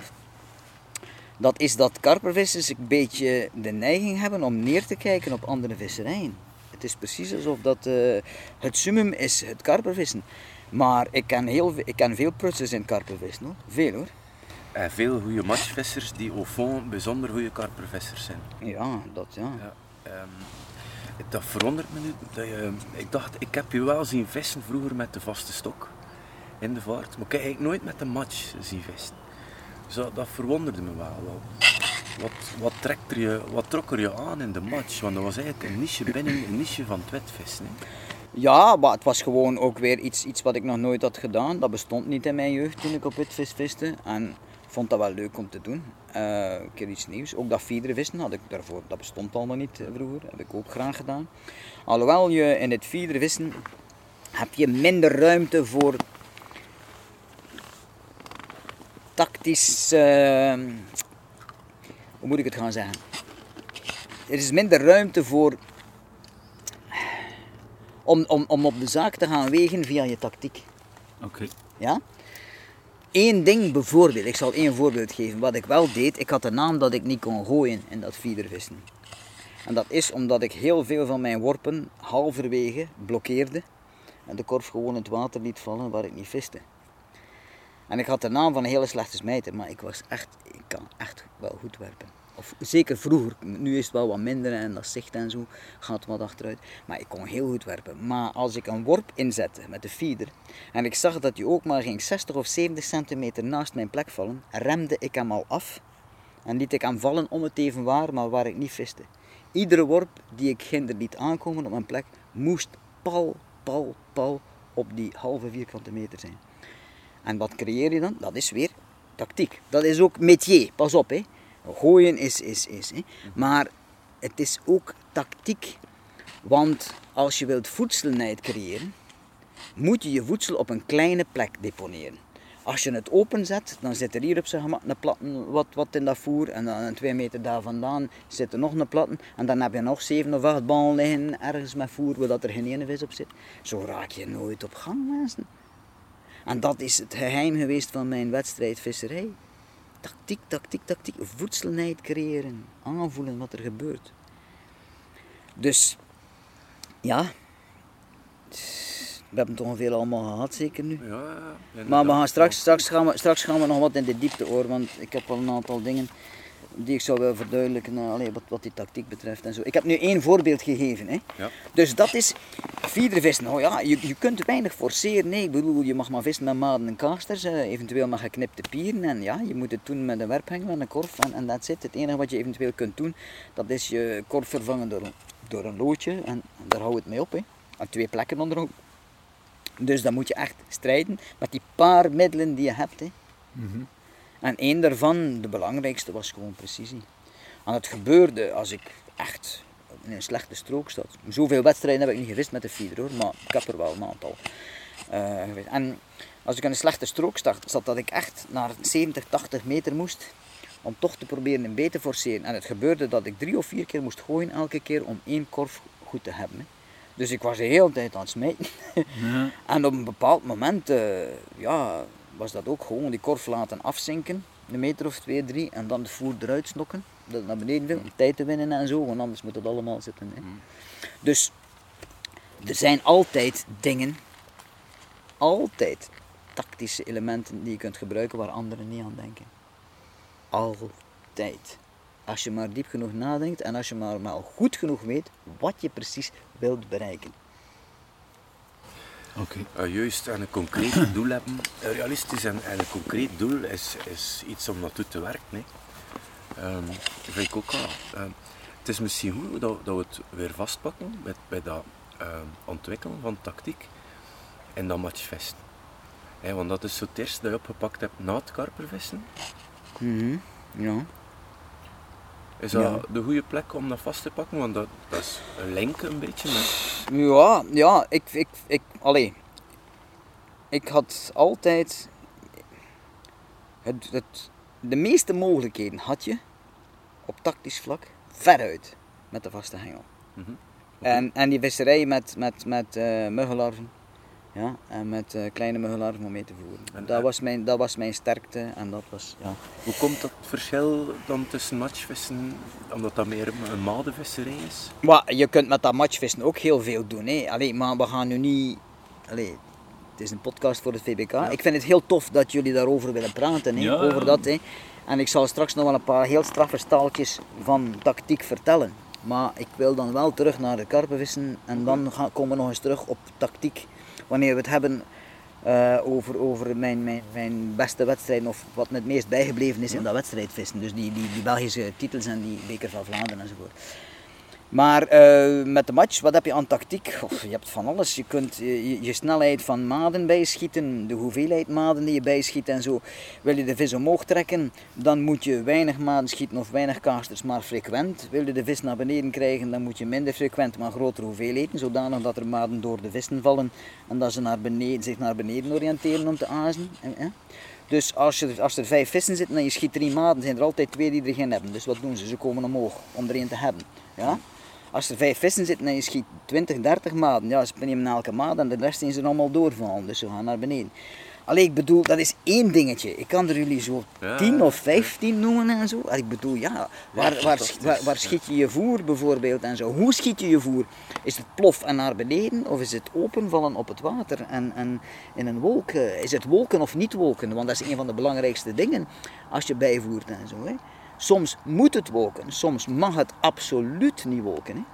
Dus dat moet je al direct aanvoelen. En dat verschilt van water tot water, maar ook soms van dag tot dag.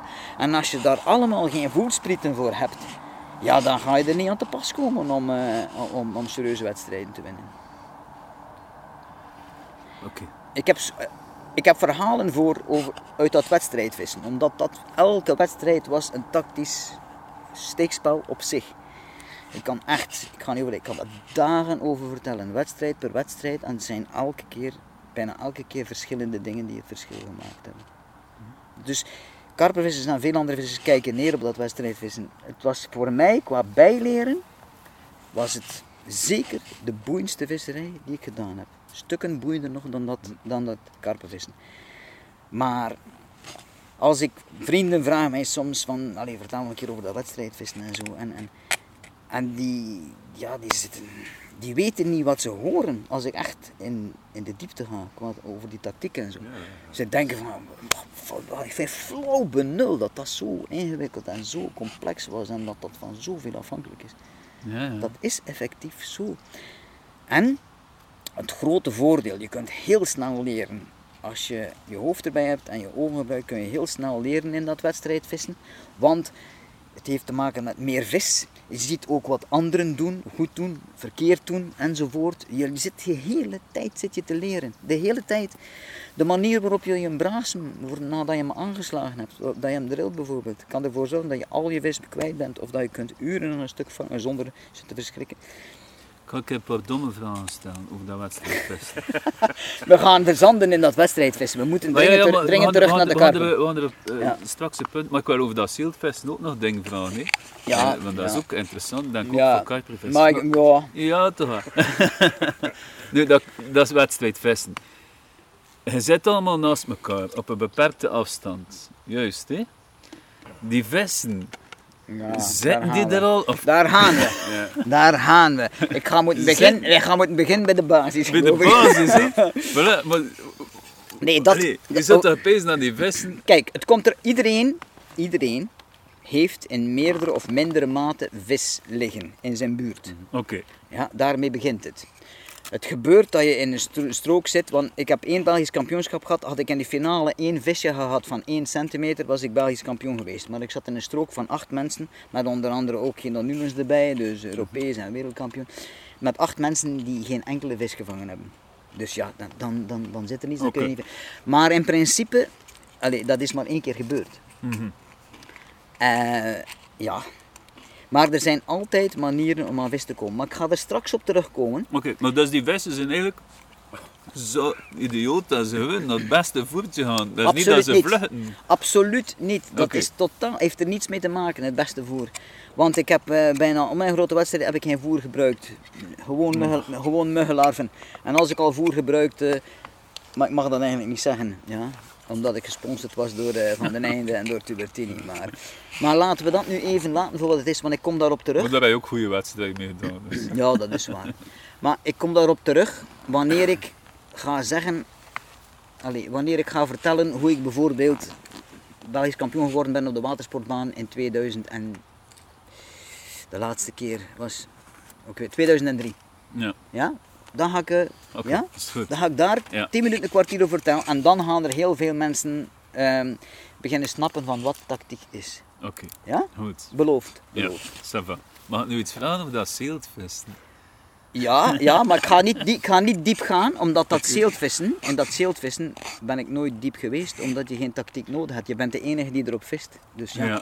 ben- Wat is voor jou een grote zeelt? Een grote zeelt is een zeelt van vanaf 58 centimeter begint dat.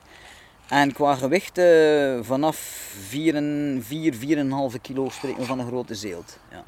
Dat is serieuze En eh, de echte grote zeelten zijn, eh, zoals bijvoorbeeld in de Limburg weet ik een water, een zeer, een zeer een fenomenale man die dat water runt en zo, we gaan het niet noemen. Maar, en daar, ja, daar worden zeelten gevangen van tegen de 6 kilo. En dan gaat het over eh, 63, 64 centimeter. Brasems zijn ook groter dan de meeste mensen denken. Ik heb eh, bij het gericht vissen op brasem, want ik tel bijvoorbeeld geen b- brasems of zeelten mee die ik vang in een karpenhengel. Ook al weegt die 10 kilo, Ja. tel niet mee. Je moet ze gericht bevissen. Of...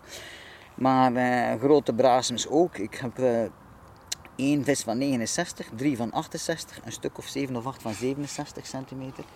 En dat zijn brasems, maar van ja, tot 6,9 kilo heb ik ze gevangen. Ja. En maar dat is net geen Belgisch record. 7,2 is Belgisch record, maar dat zijn braasmes die gevangen worden door karpervissers. hè.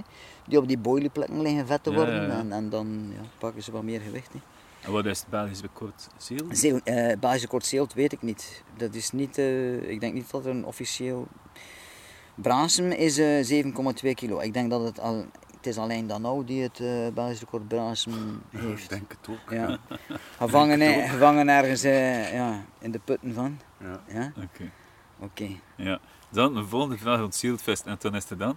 Heb je dat ooit geprobeerd met zo'n hark, een straat? Ja, maken? zeker, Ja. zeker, zeker, zeker. Ja, ik, ik vind daar goed karper mee. Ja, voilà. Ja, ja, ja. ja. Ja, ik vind daar goed karper mee. ja. Ja, ja, ja, want die komen ook eh, de bodem, de boel onderzoeken hoor. Ja, Ja. Dus voor de Ja, luisteraars met de hark aan een, aan een touw eigenlijk, eh, een hele strook vrijmaken. Hè. ja. En De bodem, op om, af, de bodem ommoelen, hè. zoals zij, als je dan hennep gaat voeren, ja, woelen zij de bodem om, maar je kunt hem natuurlijk ook zelf weten. Het werkt niet altijd hoor, en niet op alle wateren hoor.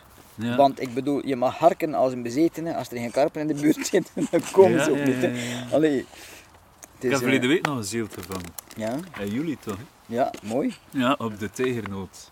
Zoals dat je Ja. beschrijft in je boek. Eh, zeer goed uh, zielt als.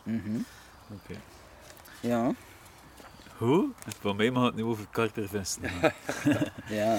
ja. Ja, Maar ik dacht dat jullie vragen hadden die van mensen afkomstig Ja. waren. inderdaad. Dat kan we ook vragen. Ja, een aantal. Niet dat ik dat, ja.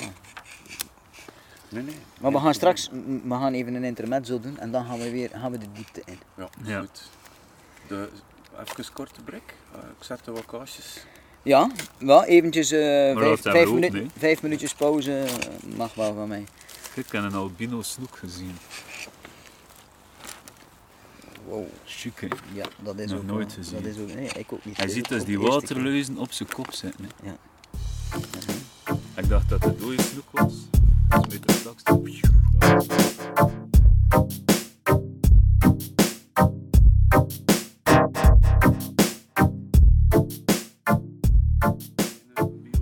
van de dingen die eh, ik hoorde in Engeland, ze zetten dus zeer veel forellen uit die gekweekt zijn op pellets.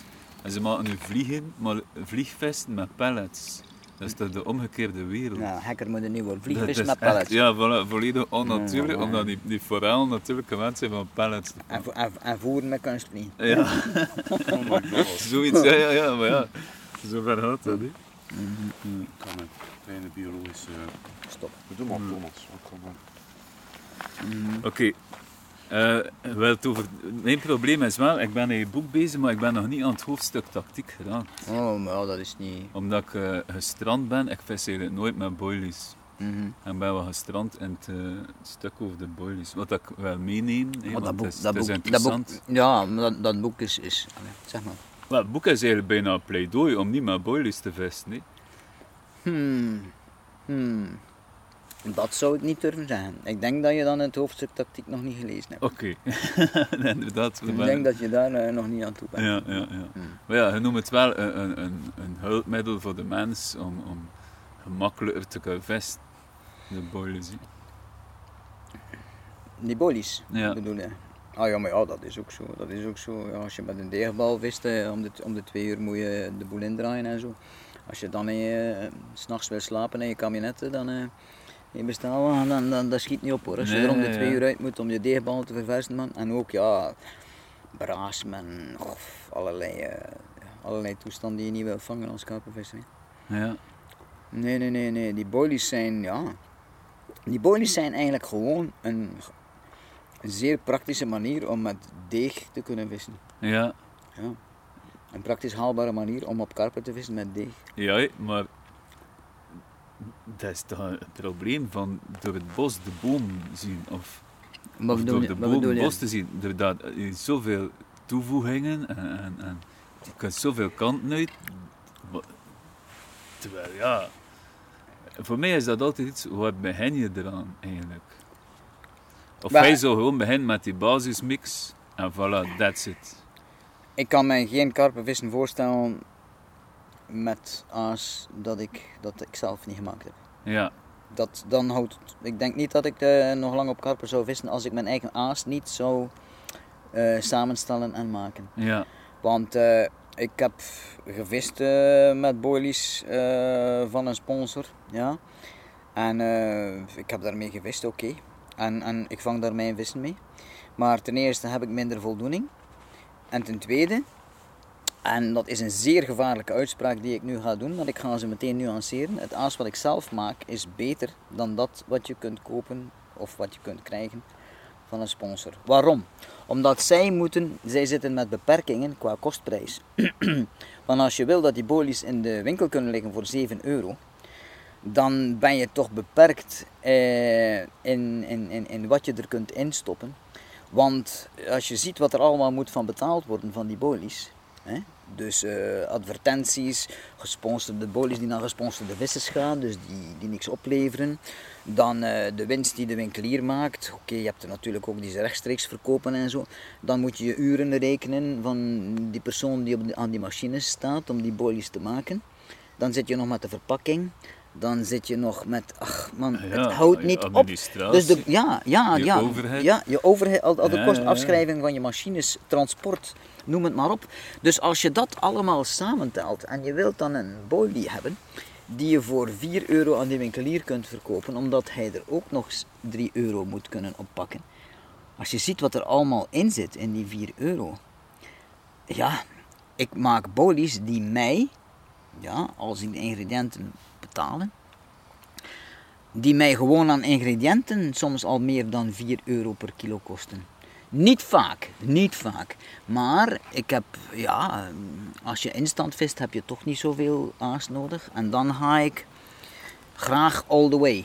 Ja, Dan ga ik graag eh, redelijk ver in, in, in de kwaliteit van wat ik gebruik en ook de aard van de producten die ik gebruik. ja, Ja, ik gebruik producten soms die men eigenlijk niet kan gebruiken. Toch niet in de hoeveelheden dat ik ze gebruik. Ze zitten er soms wel in aan 1 of 2 procent, maar ik vis die dan aan 8 of aan 10 procent in mijn mix. Omdat ik weet dat, ja, dat dat veel beter is. ja. En dat is de belangrijkste reden waarom ik mijn eigen aas maak. Maar goed, ik ben al mijn hele leven bezig met aas maken. Ik bedoel, ook in mijn eerste periode maakte ik mijn bolie zelf. Ik heb er ook over geschreven in, in mijn boek en zo. Maar ik zit nu al ettelijke straten verder qua kennis over aas dan toen ik de Dunne Lijn geschreven heb. Hoor. Dat valt niet meer te vergelijken. Ik zit veel verder inmiddels. Ja, ja nee, nee, nee. nee. Komt er een derde editie? Nee, nee, nee, nee, dat gaan we niet. eh, Nee. Ja. En, en je dan ook het gevoel van, ik, ik, heb, ik zou dat gevoel hebben, of ik heb dat gevoel, als ik met een gekochte bolievis, van, dat wordt ook een stuk gevangen door degene die die bolie gemaakt heeft. Dat bedoel ik net. voilà, dat bedoel ik net. Mijn voldoening is gewoon minder groot als ik eh, een, een vis vang aan een gekochte bolie. Het gebeurt hè, dat ik zeg van, god ja, ik heb, eh, kan gaan vissen, ik heb er nog 5 kilo van dit of van dat staan. Hè, van, van, van, eh, van mijn sponsor, dus pff, ja oké, ik ga daarmee vissen. Maar ik, ik ben al onrustig. Zodra die hengels in liggen, ben ik al onrustig. En, en, en ja, ik weet als ik een vis vang dat ik niet dezelfde voldoening heb. Iedereen moet dat voor zichzelf. En ik leer ook niets. Want ik ben bijvoorbeeld dat watertje eh, waar ik dat als testwater gebruik en zo bijvoorbeeld. Ehm, ja, ik voel direct of ik iets heb wat een meerwaarde biedt. Ja, En als dat, als, dat, als dat zo is, dan wordt dat vervolgd. Snap je? Ja. En dan, eh, ja. Ja, ik, ik, alleen, ik zit nog echt wel, eh, ik evolueer echt nog wel in, Ja. op dat aasgebied en zo. Ja, dat wel. als je het over tactiek hebt, je zegt er juist, er zijn eigenlijk vier categorieën van tactieken. Klopt dat? Drie, ta- drie categorieën van tactiek? De hit and run. Ja, maar ja, dat, eh, allee, ik heb dat gestructureerd naar mijn boek toe. Ik heb gewoon gezegd, op dit type water gebruik je best dat, op dat water gebruik je best iets anders. Maar er zijn veel meer dan alleen maar die eh, mogelijkheden. Veel meer. Ehm, dat was om de zaak te, te structureren. Dat is grosso modo de manier waarop ik toen viste. Ja. Maar niemand, allee, quasi niemand van die jonge generatie weet wat in dat boek staat. Ik vind dat ook niet erg. Alles, alle, iedereen in zijn tijd. Ja. Ja.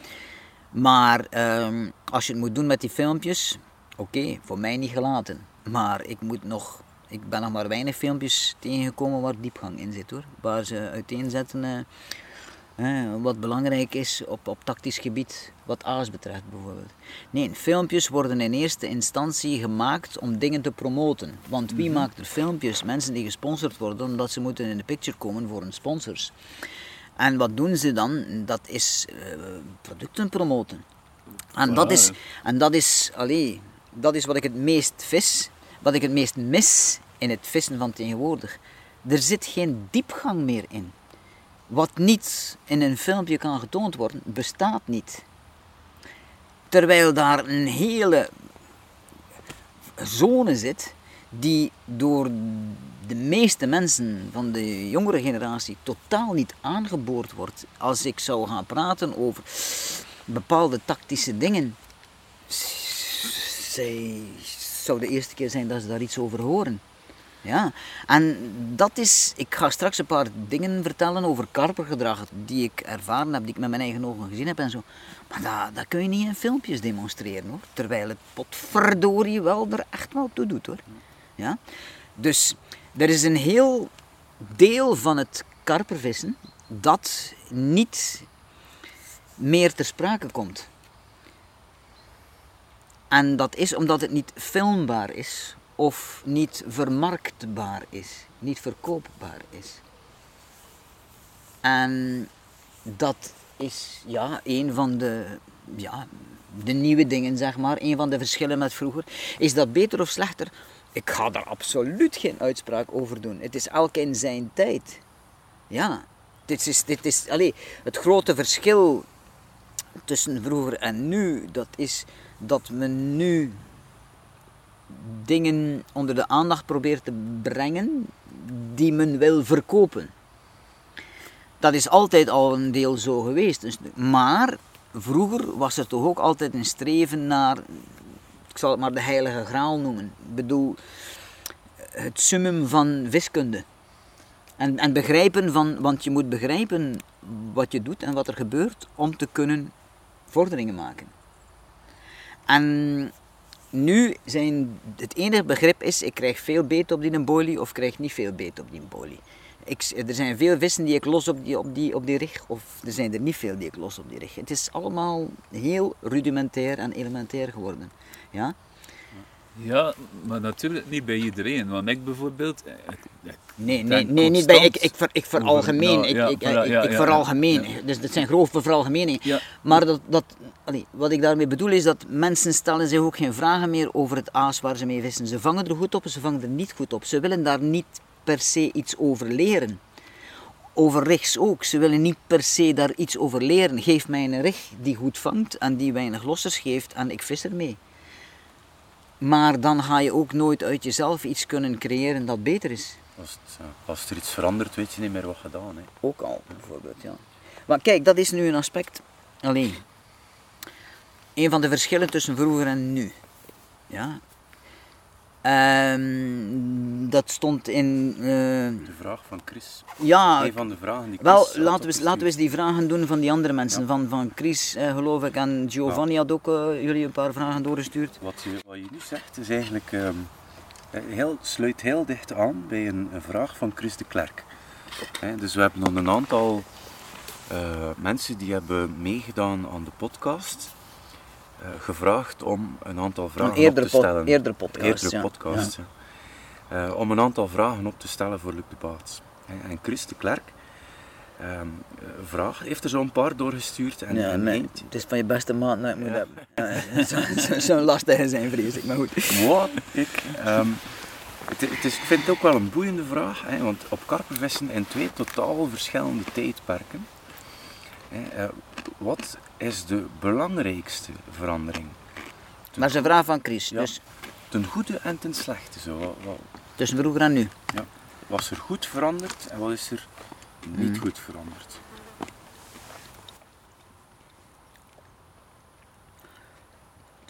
Er zijn een paar dingen waarvan je zou kunnen zeggen dat het een goede is, maar het zijn zaken met een dubbele bodem. Wat zeker slechter is, dat is het feit dat het veel te druk is aan de wateren. Ik heb dit jaar echt waar al een paar onaangename confrontaties gehad met andere karpenvissers zonder dat ik het gevoel heb dat ik iets fout doe. Zonder dat ik zwaar loop te voeren ergens of wat dan ook. Ik misdoe niks, maar gewoon mijn aanwezigheid wordt met moeite geduld. Getolereerd. Ja, getolereerd. En dat maak ik steeds vaker mee. Dat heeft te maken met het feit dat ik, de meeste mensen van mijn generatie, ik ben 63, ik kom op openbaar water niemand meer tegen van mijn leeftijd. Die vissen allemaal, de mensen die nog op karpen vissen van mijn leeftijd, zitten in wat ik noem beschermde omgevingen. Op syndicaatwater of op wateren met een beperkt, uh, beperkt ledenbestand of wat dan ook. Waar ze alleen maar mensen aannemen die, waarvan ze weten van die gaan niet voor moeilijkheden zorgen hè, of niet voor overlast zorgen. Dus dat noem ik een beschermde omgeving. Ik heb één zo'n watertje waar ik nu dit jaar één jaar een vergunning heb. Ja. Maar ik moet mijn vissen doen op openbaar water. En daar zit veel volk. En ik vis ook het liefst op water waar het moeten geen reuzen zijn voor mij hoor, de karpers. Maar ik heb graag dat er een vis zwemt van 20 kilo. Laat het zo staan. Want er een paar grotere vissen zitten, dat is altijd iets extra zo. Het kan, hè? Het kan, gebeuren. gebeuren en het gebeurt dan ook meestal wel als je daar een poos vist. Maar op dit soort wateren wat ik noem die beschermde omgevingen, heb je dat allemaal niet, die wrijvingen en die toestanden. Want als je wat te veel manifesteert in negatieve zin, dan zit je eruit. Dan vlieg je buiten op het einde van het jaar. Maar op die openbare wateren lopen veel mensen rond met lange tenen. En ik voel dat er heel veel, vooral dit jaar, dat er heel veel frustratie is onder de mensen. Dat zal waarschijnlijk niet louter gelinkt zijn aan het vissen, maar ook in de rest van hun leven. Mensen het wordt, hebben het moeilijk, financieel en zo. En het brengt mij ook terug naar mijn jeugd. Ik ben een klein ventje, ja? en ik ben altijd een klein manneke geweest. En iedereen heeft frustraties en iedereen moet die op de een of andere manier afreageren. Ja? Er zijn veel toffe, brave vrouwen die een heel leven de frustraties van een echtgenoot moeten tolereren. Ja? En daar soms onder, aan ten onder gaan, onderdoor gaan. Die grotere mannen, of het nu vissers zijn, of karpervissers zijn, of of het uh, gewoon scholieren zijn ja, op de speelplaats. Die grotere mannen krijgen onder hun voeten van de, van, van de meester, omdat ze een slecht rapport hebben. Ja, krijgen thuis onder hun voeten van hun ouders en zo. Die moeten hun frustraties ook afreageren. Op wie reageren ze af, denk je? Op de kleine mannetjes. En Ja, echt waar, De niet sterke man. Voilà, de niet sterke, de sullen of de kleine mannetjes. Dus ik zeg, wat ik nu meemaak, herinnert mij aan mijn jeugd op de speelplaats. Dat mensen hun verhaal moesten ha- halen bij mij of bij een paar anderen. Hè. Want zij kregen ook op een donder van die gasten die dan twee of drie jaar ouder waren, die sterke mannen van mij. Dus iedereen duwt de boel als het ware naar beneden. De frustraties. Altijd komen die frustraties terecht bij iemand die minder sterk is of minder verbaal is of wat dan ook. En ja, ik ben dit jaar een keer of drie met dat soort dingen geconfronteerd geweest. En ik moet zeggen, dat zet een, ik ga me blootgeven, een serieuze domper op mijn zin om te vissen en op mijn visplezier. En ik denk dat het precies dat is wat ze willen bereiken. Ehm of de record zal ik jullie straks nog wel eens een keer eh, iets tonen. Maar daar gaan we nu niet over hebben. Dus dat is de verandering ten kwade. Te veel volk, te veel druk op die vissen, waardoor, het is, waardoor we gewoon veel minder vangen dan vroeger. Ook ik. Oh, als ik dat vergelijk met wat ik vroeger ving toen ik karperde en nu. Man, ik kom misschien aan 30% of zo. Nog niet. Nog niet, als ik het eh, allemaal bekijk. Maar goed, als ik, dan bekijk, als ik naar anderen kijk, zij doen het ook niet beter. Allee, in sommige gevallen wel, maar dat heeft nog wel een verklaring. Hè. Dat is het grootste verschil met vroeger. Dat je vroeger al fluitend naar het water ging en al fluitend weer naar huis kwam. En dat is nu lang niet altijd meer het geval. Wat mij ook overkomt, dat is dat ik bijvoorbeeld, ja, onlangs nog zit je 36 uur maar rollende vissen, daar zitten veertigers bij en zo, je krijgt ze niet gevangen. En wanneer je aan het opruimen bent, dan komt er iemand bij je en zeggen ze, och ja, maar die heeft hier eergisteravond twee ketels particles in gekapt, jong. Het is niet moeilijk dan ze liggen te rollen. En dat, is, dat gebeurt constant. Ja? Ja. Dat, dat, dat, dat zijn, allee, constant, dat zijn van die dingen, daar wordt je altijd maar mee geconfronteerd. Je denkt dat je de vis gevonden hebt, maar je zit op iemand zijn voet. Ah, Geluk nog dat hij niet langsgekomen was, die, die, die, die man die daar die, die ketels parde. Want ik ging dan nog een stekkenpezer geweest zijn, ook. Terwijl ik gewoon op zoek was naar de vis en daar vissen zag en daar gaan zitten ben.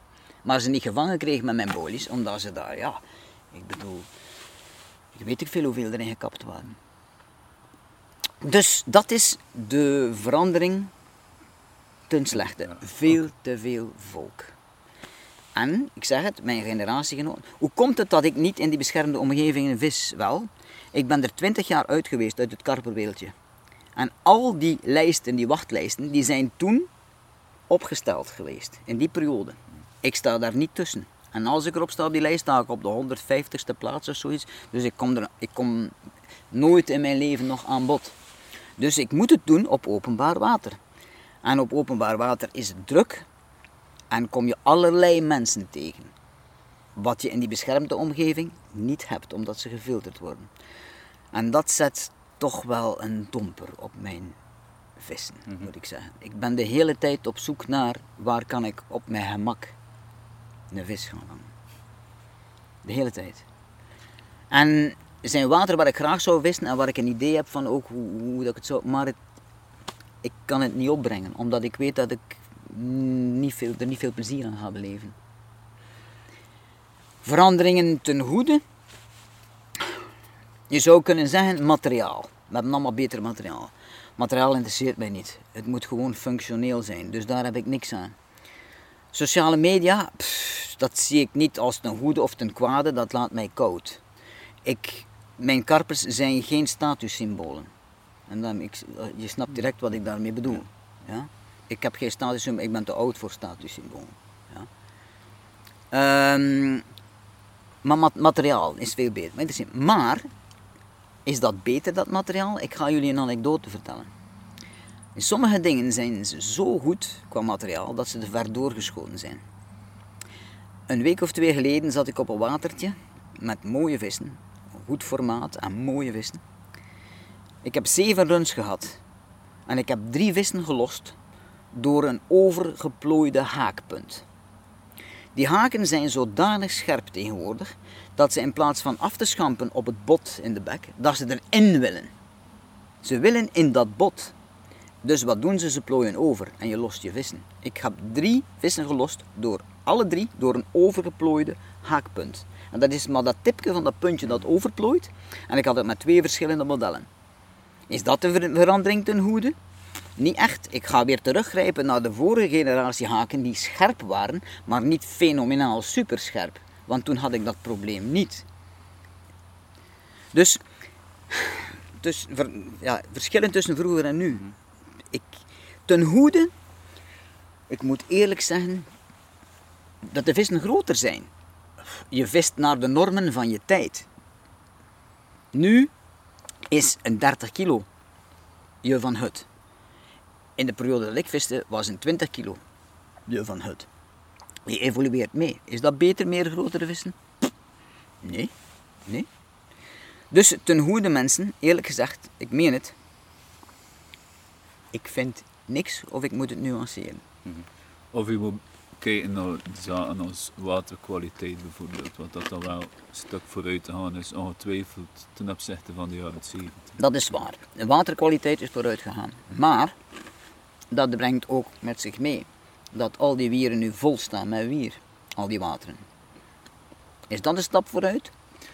Ja, nee. Ik bedoel, ja, je moet er leren mee leven.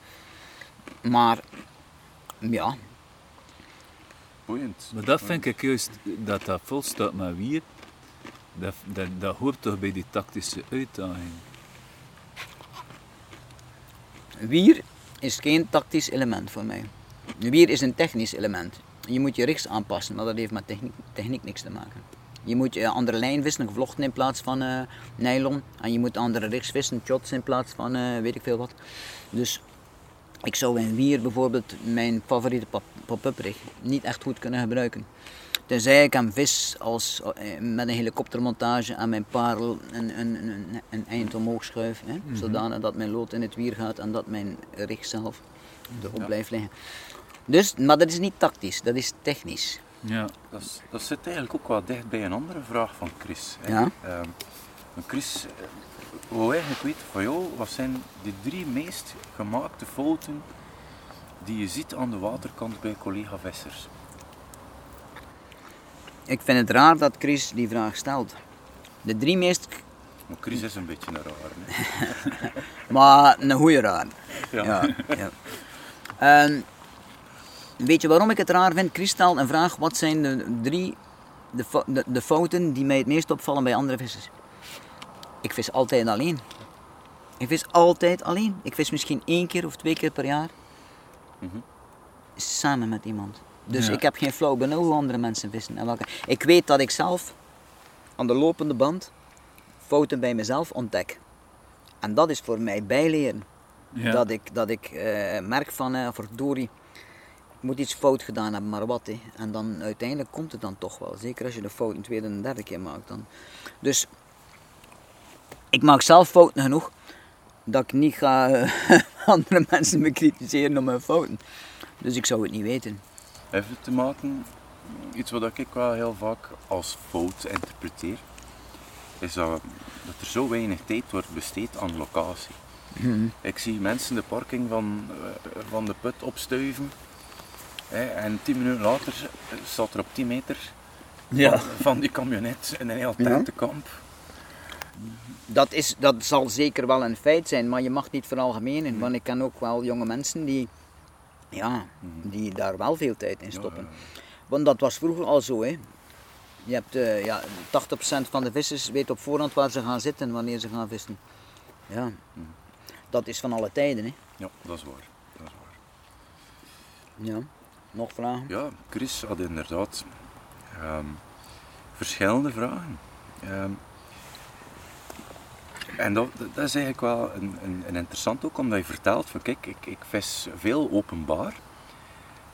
We zien dat ook wel veranderen. Overheid die, die wat zaken um, wegkaapt onder onze Mhm. neus. Ja. Ehm, wat moet er volgens jou gebeuren om, om dat vissen op openbare wateren ook in de toekomst nog veilig te staan? te vrijwaren. Er is maar één ding wat invloed heeft op de, één zaak die, die invloed heeft op de besluitvorming, de politieke besluitvorming. Dat is hoeveel stemmen vertegenwoordig je. Hoe zwaar weeg je op de politieke eh, weegschaal, electoraal. Hoeveel mensen vertegenwoordig je. Dus, dat staat automatisch gelijk met je moet georganiseerd zijn. Je moet één grote structuur hebben die alle vissers verenigt. En dan heb je in Vlaanderen zoveel vissers. Dus dat zijn zoveel mensen die, naar, die, die, moeten eh, deelnemen aan verkiezingen. Dus hoe zwaar wegen die vissers? De- en dat bepaalt hoeveel, er, hoe, hoeveel aandacht er besteed wordt of hoeveel belang er gehecht wordt aan wat de vissers willen. Dus je moet, dus Sportvisserij Vlaanderen. En ik denk dat we een hele goede voorzitter hebben nu, Frans Weemaas. Iemand met tact, iemand die al heel zijn leven vist, die eh, ook in zijn leven al een en ander meegemaakt heeft. Ehm, ik denk dat we een hele goede voorzitter hebben. En ja, Sportvisserij Vlaanderen volledig verder uitbouwen en maken dat we alle vissers verenigen. En wat ze dan doen is heel goed, bijvoorbeeld die verzekering die je krijgt als je aangesloten Ja. bent. Hè. Dat is een fenomenale manier om mensen erbij te, te krijgen, hè, erbij te betrekken. Hè. En dan kun je wat zwaarder gaan wegen op de politieke besluitvorming. En dan kun je wat een beetje gewicht in de schaal leggen eh, tegen die groenen en zo, die, die, die alles naar zich toe willen trekken. Wat, wat moet er, of wat denk jij, allee, ehm, dat er goed zou zijn? Oké, we- er zijn heel veel zultjes te winnen, want er zijn nog nooit zoveel visvergunningen geweest als nu. Is dat zo? Ja, dat is zo. Er zijn, Over welke aantallen spreken wij, weet je oh, dat? de- van aantallen, ik, ik, eerlijk, ik heb het geweten, maar ik kan er nu niet meer op komen. Ik heb gewoon Dat, her- dat, her- dat probleem herken ik. Ja, ik, ik onthoud veel eerder principes dan, dan Ja. concrete cijfers, maar in ieder geval zijn er nog nooit zoveel geweest. Hè, dus heel veel zieltjes te winnen. Maar wat zouden we moeten doen? Hè? Want oké, we, we lopen hier allemaal al een tijdje rond op deze bol ondertussen. We zien dingen veranderen. Hè? Ehm, wat, wat doen we niet meer dat we beter hadden gedaan? Hè, eh, of zouden we moeten opnieuw beginnen doen? Ik zie visuitzettingen en zo zie ik veel minder. Ehm onderhoudswerken zie ik op sommige wateren ook niet meer gebeuren. Ehm, Maar dat is de invloed van de groenen. Ja. Want visuitzettingen, dat staat voor hen gelijk met biotoopvervalsing. Wat niet altijd zo is. Maar goed, het wordt sowieso altijd een evenwicht vinden tussen de verschillende belangengroepen. Ja. En daarom moet je stemmen in de weegschaal kunnen gooien en moet je een goede vertegenwoordiging hebben. Je moet iemand hebben die als hij mee aan tafel gaat met die mensen, die ehm, zinnige dingen vertelt en op een zinvolle manier. Ja. Ze Het is ook een paradox waar je moet ook met veel zijn. Dus die, die toename van vissers aan de waterkant is op een manier ook goed. Maar dat is natuurlijk In welke zin? omdat we een steeds, een steeds groter groeiende groep vertegenwoordigen. met meer gewicht in de schaal, omdat we Ja, ja. meer zijn. Omdat we maar meer zijn. Die Ja. verbinding tussen de mensen, dat is het probleem. Maar het aantal vissers, dat is toch niet tegen te houden, dat gaat toch toenemen. Ik, ik weet niet, allee, het verbaast mij dat er eigenlijk meer vissers zijn dan vroeger. Want ik bedoel, ik zie geen palingvissers meer. Ik zie geen mensen meer die op een eentje zitten te witvissen op openbaar water en zo. Het is allemaal karper blijkbaar. Allemaal. En ik kom geen andere vissers meer tegen op openbaar water. Hè. Vroeger zag je mensen zitten peuren. Of ze zaten met drieën naast elkaar een paling te vissen of wat dan ook. Hè. Dat is allemaal weg. Dus ik moet zeggen dat het mij verbaast dat jullie zeggen dat er dus meer vergunningen verkocht worden dan vroeger. Eh, ja, ja. Roofvissers. Roofvissers, ja. Ja, veel roofvissers. Dat streetfishing, dat is ook weer eh, gruwelijk populair. Als je een baarsje vangen van 12 centimeter, dan hebben ze speciale poses om daarmee op de foto te gaan en zo. Maar nee, ik, ik- eh, jullie lachen, ik lach daar niet mee. Ik, ik bedoel, ja. Ja, ja. Maar goed, nee, neem, neem de sociale media weg en je gaat veel minder vergunningen verkopen, als je snapt wat ik bedoel. Want vissen zijn statussymbolen geworden. Ja, dat is bij karpenvissers, maar dat is ook bij die roofvissers, die streetfishing het geval. Ehm, als ze geen foto's meer mogen nemen, is de zin om te vissen al eh, ferm bekoeld. Ja.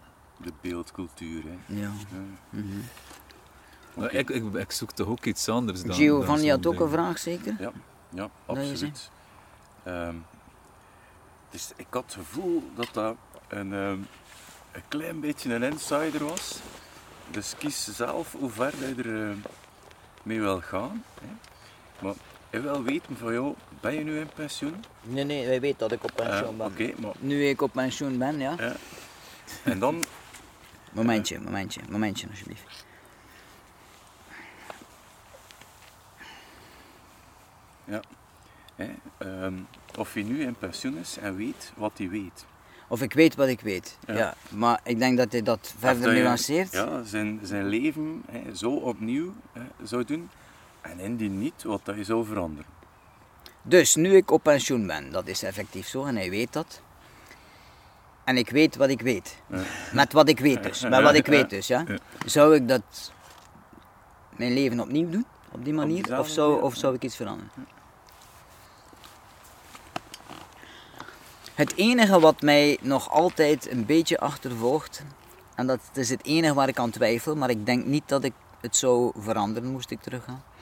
Maar ik loop al, zeker nu in die tweede periode dat ik op karpervis, loop ik de hele tijd toch wel met de vraag van, was ik niet beter toch nog een jaar of vijf, zes doorgegaan met dat karpervissen? Dus in plaats van te stoppen in 94, was ik misschien niet beter, op eind 94, was ik niet beter doorgegaan tot 2000 of zo. Omdat dat toch nog jaren zijn waarbij... Ik heb het begin meegemaakt van Frankrijk, eh, echt. Maar dat is dan daarna allemaal ontploft en er was nog zoveel te ontdekken en nog zoveel te doen. Waar je toch, als je de meute voorbleef, rustig kon vissen en je ding kon doen. Maar dan had ik mijn beste jaren in dat wedstrijdvissen gemist. En dat had ik ook niet willen meemaken. Dus ik zit een beetje gevrongen met die vraag. Als ik echt, echt geconfronteerd word met keuzes, dan zou ik het houden zoals het gelopen is. Want ik heb ik ben eigenlijk gestopt met karpenvissen op het moment dat het een beetje doodliep voor mij. En ik ben in iets gedoken dat mij enorm gefascineerd heeft en gepassioneerd heeft en waar ik heel veel plezier aan beleefd heb. En heel veel over het vissen bijgeleerd heb. Dus nee, ik zou niks veranderen. Niks van wat ik in mijn vissen gedaan heb in mijn leven zou ik anders willen. Elke periode had haar charmes. Oké, wauw. Ik ben even eh, onder de indruk van de intensiteit van het, van het antwoord. Oei. Ja, nee, nee, nee, maar ik geniet daarvan. Ik, het zijn die dingen waar ik zelf ook, en ik denk een aantal mensen die wel mee Maar ja, luisteren, natuurlijk, allee, als, als we terugblikken op onze levens op een bepaalde leeftijd. Allee, we hebben heel veel mooie momenten beleefd in dat vissen en zo. Maar het heeft ook druk gezet op onze levens. Hè. De drang om te gaan vissen, dat is niet echt niet altijd de beste raadgever in een relatie en zo. Is niet altijd ook, eh, ja, ik bedoel, je kinderen zijn ook wel een keer droevig als je weer eh, twee of drie dagen gaat vissen. En papa ben je weer weg. Dus, ja, maar in de rechtspraak heb je zoiets als, in het Engels zijn ze irresistible urge, oncontroleerbare drang of zoiets. Ja, onbedwingbaar, ja. On- ja, zoiets. ja. ja. en, en, en ik roep dit in, edelachtbare, ik roep dit in als verzachtende omstandigheid. Het was onbedwingbare dwang om te gaan vissen. Maar weet je, het is, allee, het is niet altijd ook het vissen, maar het is ook vaak dat je er niet bent met je hoofd. Dat je met je hoofd nog aan, aan het vissen bent of bezig bent met een nabeschouwing op de vorige sessie of aan het nadenken over je volgende sessie. En dan ben je afwezig voor de mensen rondom jou. En ik denk dat dat ook een serieuze tol is die die mensen moeten betalen. Dat je er niet altijd bent met je hoofd erbij. En dat dat, als je alles samenneemt, dat je weg bent van huis en dat je... Maar anderzijds, als wij die drang hebben om te gaan vissen en ze laten ons niet gaan vissen, dan zijn we ook niet genietbaar. Dus ze hebben geen keuze. Ze hebben Ja, geen ja, keuze. Ze hebben geen keuze. Zijn ze balancing act. Ja, inderdaad, Ja. balancing act, dat, dat is wat het is. Ja. Wel, het, is, het is ook zo, en dat was eigenlijk een vraag die ik zelf had, had voorbereid. Ehm, die, die passie, die intensiteit die daarin ligt, dat komt dan zeker ook in andere dingen in het leven naar boven. Ik, ik denk hier in de dunne lijn dat we dat kunnen zien aan, aan de songteksten dat je, dat je eruit haalt. Ik heb het boek van de dunne lijn hier even. even Ja, ja, ja, ik weet nog wel vaag. Ja, maar goed, je moet weten dat is ook een beetje beroepsmisvorming. Hè? Ik heb dus, allez, ik heb Engels en Duits gestudeerd. Ik ben in 38 jaar heb ik Engels gegeven. Dus dat is normaal. Als je naar muziek luistert, dat je ook naar de teksten luistert. Het zou jammer zijn als de leraar Engels dat. En je moet die twee dingen moet je loszien bij mij. Je moet die loszien. Er zijn dingen met fenomenale teksten. En waarvan de muziek oké is, maar, maar, maar niet meer dan dat. Ehm, maar je hebt ook het omgekeerde. Je hebt eh, veel, allee, veel dingen die ik graag hoor, die qua teksten nergens op slaan. Ik kan er toch niet veel van maken. Ja, ja. Dus dat zijn aparte dingen. En waarom ik. Ik ben ook altijd geïnteresseerd geweest in literatuur. Ik heb altijd veel gelezen, veel in het Engels. Poëzie. eh, en natuurlijk ook de liedjesteksten. Maar wat daarbij komt, in die hogere jaren, ik heb veel les gegeven aan achtste en negende jaren Engels, volwassenen en zo. Ik gaf toen ook Anglo-Saxische eh, instellingen en zo, van, van hoe zit het systeem van die landen in elkaar, maar ook veel cultuur.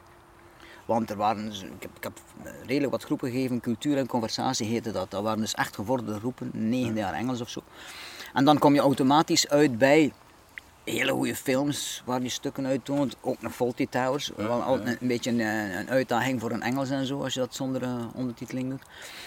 En bij poëzie, en bij kunst, en bij muziek. En hoe kun je die muziek dan in klas brengen? Via de lyrics, via de teksten. En die dan ontleden.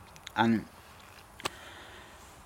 ja, ik ging voor mooie dingen. Ik, heb, ik probeerde met mensen mooie dingen te leren kennen. Maar ik kon dat alleen maar verkocht krijgen via de teksten van de nummers. Dus die moesten goed zijn. Ondertussen leren ze ook de muziek kennen. Heb ik wel wat deuren geopend. Eh, Damien Rice en zo van die toestanden. Ik weet niet of je dat kent. Ja, ja. het zachtere genre. Eh, ja, ja, goed. Ja, ja, dat is een van de cd's. Ehm, eh, maar ook ja, de klassiekers, eh, Hurricane van Bob Dylan bijvoorbeeld. Och, Heel het verhaal, dat is pas een tekst. Hè. En- Dus, en ook andere dingen, zachtere dingen. Bijvoorbeeld, wat heb ik nog gebruikt van Bob Dylan veel? Uh, Potverdorie. Isis, Isis. Ja, ja. Allee, ik Isis vind, ik, wou even afweten, nee, rond die muziek. Vind je dat Bob Dylan terecht de Nobelprijs verdient? Dat is. Hmm. Dat is een hele moeilijke. Ergens wel, maar ergens lopen er echt wel mensen rond die hem meer zouden verdiend hebben. Ja, maar toch, like Isis, dat is Maar toch een heel het. boek Maar en, je hoeft en een niet- song. ik weet dat, ik weet dat. Hurricane ook, als je de achtergronden Ja, kent en zo en zo. En, en ook de minder bekende nummers. Hè. Eh, Not Dark Yet, zegt jullie dat iets? Not ik Dark Yet, dat is de, een dat plaat, is, ik heb bijna zijn plaat, maar het gaat mij niet echt... eh, eh, ik denk dat het is van Desire of zo, dat die daarop staat. ah ja, ja, ben niet dat zeker. Desire is... Ja. oh. Maar ik ben niet 100% zeker dat het van Desire is. Maar dat is ook een nummer dat ik veel plaat, gebruikt. Dat is eh, Not Dark Yet. It's not dark yet, but it's getting there. En Staat niet op Desire. nee, dan is het. Out of Time. Ja, het zal Out of... Ja. Dat is één dat ik het niet heb. Ja. Dus, ja. Het zal out of time zijn. Maar hoe dan ook, allee, ja, dat, ik vind trouwens vind de mooiste slow die ik ken. Dat is echt een, een, een, Ah, ja. een, een twee tegels slow. Dat, eh, not, it, not ik ken altijd de discussie aan mensen in de tijd, toen dat hij de Nobelprijs, oh je hebt de Nobelprijs gewoon. En, eh, ik, ik schiet uit mijn vel en toen vertel je toch heel dat verhaal van Isis, dat die kerel naar de, naar de pyramids gaat, embedded in ken ijs het, en ja, dit ik is ken het. machtig. jongen. Pas op, hij heeft, hij heeft, laten we het zo stellen. Hij heeft de Nobelprijs literatuur niet onverdiend gewonnen. Ja. Ik denk dat dat de Voilà. beste nuance is die we kunnen maken. Maar er- ik, ik kan nog wel tien mensen opnoemen die hem eigenlijk ook wel zouden verdienen. Ja, die ik even hoog inschat, maar dan echt... eh, Ja, maar, ja, auteurs. ja. Maar goed, ik doe je pijn. Nee, nee, ik, ik, ik doe je pijn nu, ik voel het niet. Je, je je in allerlei Oh bochten. Oké, nog ga- even rond die muziek, want in de vorige podcast met Gio die vertelde mij dat je twee platen van Fugazi had. Oh, maar, oh, ik, ik, heb, ik, heb, ik heb duizend cd's in mijn, eh, in mijn kast staan en, en, en ik, ik- daar houdt het niet mee op. Eh, als je zou zien wat ik aan afspeellijsten op mijn Spotify heb, dan uh, ik denk dat je je haar zou krabben. eh, Ik Ja. denk dat je je haar zou het krabben. is jammer dat het over gaan. nee. Dan, eh, Kunnen we op een andere keer over Dus, muziek praten of over literatuur? dus, of wat ah, dan? oké, want ik ging net zeggen, kijk, de brandweer stuurt mij een bericht. De Je brandweer. huis staat in brand en ze willen nog drie cd's redden. je moet nu kiezen. Je moet nu kiezen. Ze mogen de boel laten afbranden, want er drie uitkiezen kan ik niet. Moesten ze zeggen, moest je mij er honderd doen kiezen, dat zou ik kunnen. Maar drie kan ik niet, want dan gaan er vandaag Ja. drie kiezen. En ik ga morgen drie andere zien dat ik zeg van, nee, 100 zou gaan. Maar weet je wat ik zou doen als brand? Ik pak mijn telefoon mee, dan heb ik alles in één keer. Ik heb Spotify, ik heb mijn afspeellijsten en die duizend cd's die in mijn kast staan, ja, die kan ik eh, ook gewoon via Spotify beluisteren. Ja, de meeste toch? ja. Dus brandweer, laat maar branden jongens. ik heb mijn telefoon bij me. Ja. Nee, ik zou, ik zou het wel, eh allee, ik zou het wel jammer vinden van mijn boeken, want ik heb nog wel wat boeken staan. Maar goed, Oh, daar moeten we allemaal niet over beginnen. nee. nee. Gaan we nog eens eh, een beetje dieper graven in Ja. dat karperen? Absoluut. Ja, wat is er mis? Wat is, waarin is, je gaat het misschien niet willen vertellen, waarin zijn... Hoe laat is het nu trouwens? Excuseer dat ik je Geen onderbreek. probleem, het is eh, 47, 8 uur 47. 8 uur 47, ja. Mhm. Waarin is je pop-ups, waarmee dat je nu experimenteert, waarin zijn die beter dan de andere pop-ups? Ik experimenteer niet met pop-up. Riks, pop-up Riks. Ah, pop-up rig. Ja. Pop-up rig. Ja. Ehm, ik kan die dichter bij de bodem vissen. En ik heb er minder losses op, zelfs als ik mijn beste hinge stiff knoop, die perfect is, waar alles oké, heb ik nog een betere inhaking met mijn eigen pop-up rig dan met hinge. En ik vis nu veel dichter tegen. Het is eigenlijk een superversie van, eh, hoe noemen ze dat, een, een, een of een ronnie rig. Ja. Ja, maar je hebt niet al die prullen en dat, dat, dat ijzerwerk allemaal niet nodig en zo. Die van mij functioneert veel beter, draait beter, is ja echt. Het is, je moet het gewoon zien als een superieure versie van een. eh, en het is een rig die ik in principe al gebruik van in de jaren 90 op karpen, maar in, ver- in verbeterde versie. Ja. Ja. Dus hij is, ik heb die op. Ik vis de laatste jaren meer en meer pop-ups, en, maar ik vis nooit één en dezelfde rig. Ik vis altijd een hinge stiff en dan mijn pop-up of zo. En ik moet zeggen, ehm, ik vis steeds minder die hinge stiff. Vis, vis die stiff niet meer als niet nodig is. Ja. Omdat ik, ja, ik, ik, ik krijg ietsje meer beet, heb ik het gevoel, op die lagere rig. En ik los niet veel wissen meer op die hinge stiff, maar ik los er nog minder op mijn eigen pop-up rig. Ja. En als je hem zou zien en ik zou hem uitleggen en tonen, dan zou je direct mee zijn. Direct mee. Direct. Zou je direct zeggen van ja, natuurlijk. Als ik het Ja. uitleg. Ja. Misschien ooit nog eens. Hè? Ja, ja, het is dat. Maar ja, een nieuw boek gaat er niet komen. Nee, want niemand leest nog. Allee, je hebt het schitterende boek van Heilakker. Ja, dat is gedrukt op, ik denk 350 exemplaren. Ze, ze- zijn ze nog niet eens kwijt. 400, ja. 400, ja. Ze zijn ze nog niet kwijt. Maar Goedemakers heeft gezegd niet veel, maar nog te veel voor deze tijden. Ja. Hebben ze laten drukken. Dat is, Ongelooflijk, hè? ja. ja, wij hebben hem, hè. Ja. Ik heb hem ook, ja. Het zal wel zijn dat ik hem ook heb. Ja. Ja. Maar ja, they're, missing out, hè, als je niet leest, ja. Maar weet je, ja, die, die jongens zijn dan niet meer gewoon om, om lange teksten te lezen. Hè. Zij lezen niks meer dat langer is dan drie of vier of vijf lijntjes. Ook op school, die leesteksten die die gast die, die, die, nu krijgt, pas op, je mag niet veralgemenen hoor. Ta en zo en allemaal, is, is, je mag niet veralgemenen. Maar de jongens, ja, die, die lezen niet graag, die, die, die zijn groot geworden met beeldcultuur en, en ja, lezen is, een, is lastig voor hen. Ik, ik veroordeel dat niet of ik, ik zeg daar niks negatiefs over. Het is, het is de cultuur van de tijd, zo simpel is het. Ja. Dus eh, een boek schrijven, nee jongen, alsjeblieft. Dat, waarom zou ik daar nou aan beginnen?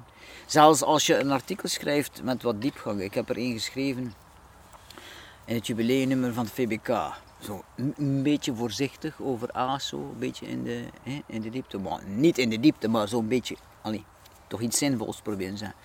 Niemand leest dat. Niemand leest dat. Dat is misschien 100, 200 man die dat leest. En dat is ook nog dankzij het feit dat het VBK een vrij oud publiek heeft in zijn leden. klopt, ook. Ja. Als je dat zou puur voor jongere mensen schrijven, en je hebt bijvoorbeeld 3000 allee, mensen die je bereikt. Dus Ja. allemaal mogen blij zijn als er 30 zijn die het uitlezen. Ja. Of 50. Alles in zijn tijd. Wat dat ze wel zoeken is reeks. Ik heb zelf een, een, een YouTube-kanaal. Dat, ik ga dan niet zeggen wat dat is, maar ik heb daar denk vier filmpjes op, waarvan één over een, een rik met bloedwormen. Ja, ja, verder van. En dat heeft dus massa's hits. hè. Mhm. Dus dat zoeken ze wel. hè. Ja. En dat is ook algemeen bekend. Als je wel een succesvol YouTube-kanaal hebt, begint iets over reeks. Ja, eh, Ja. Dus die zoektocht, ik denk dat die zoektocht wel nog altijd is, maar dat is inderdaad niet vlug naar de boeken gaan kijken. Terwijl dat daar wel echt ten gronde alles wordt uitgelegd. Ja, en dat is, dat is het grote probleem.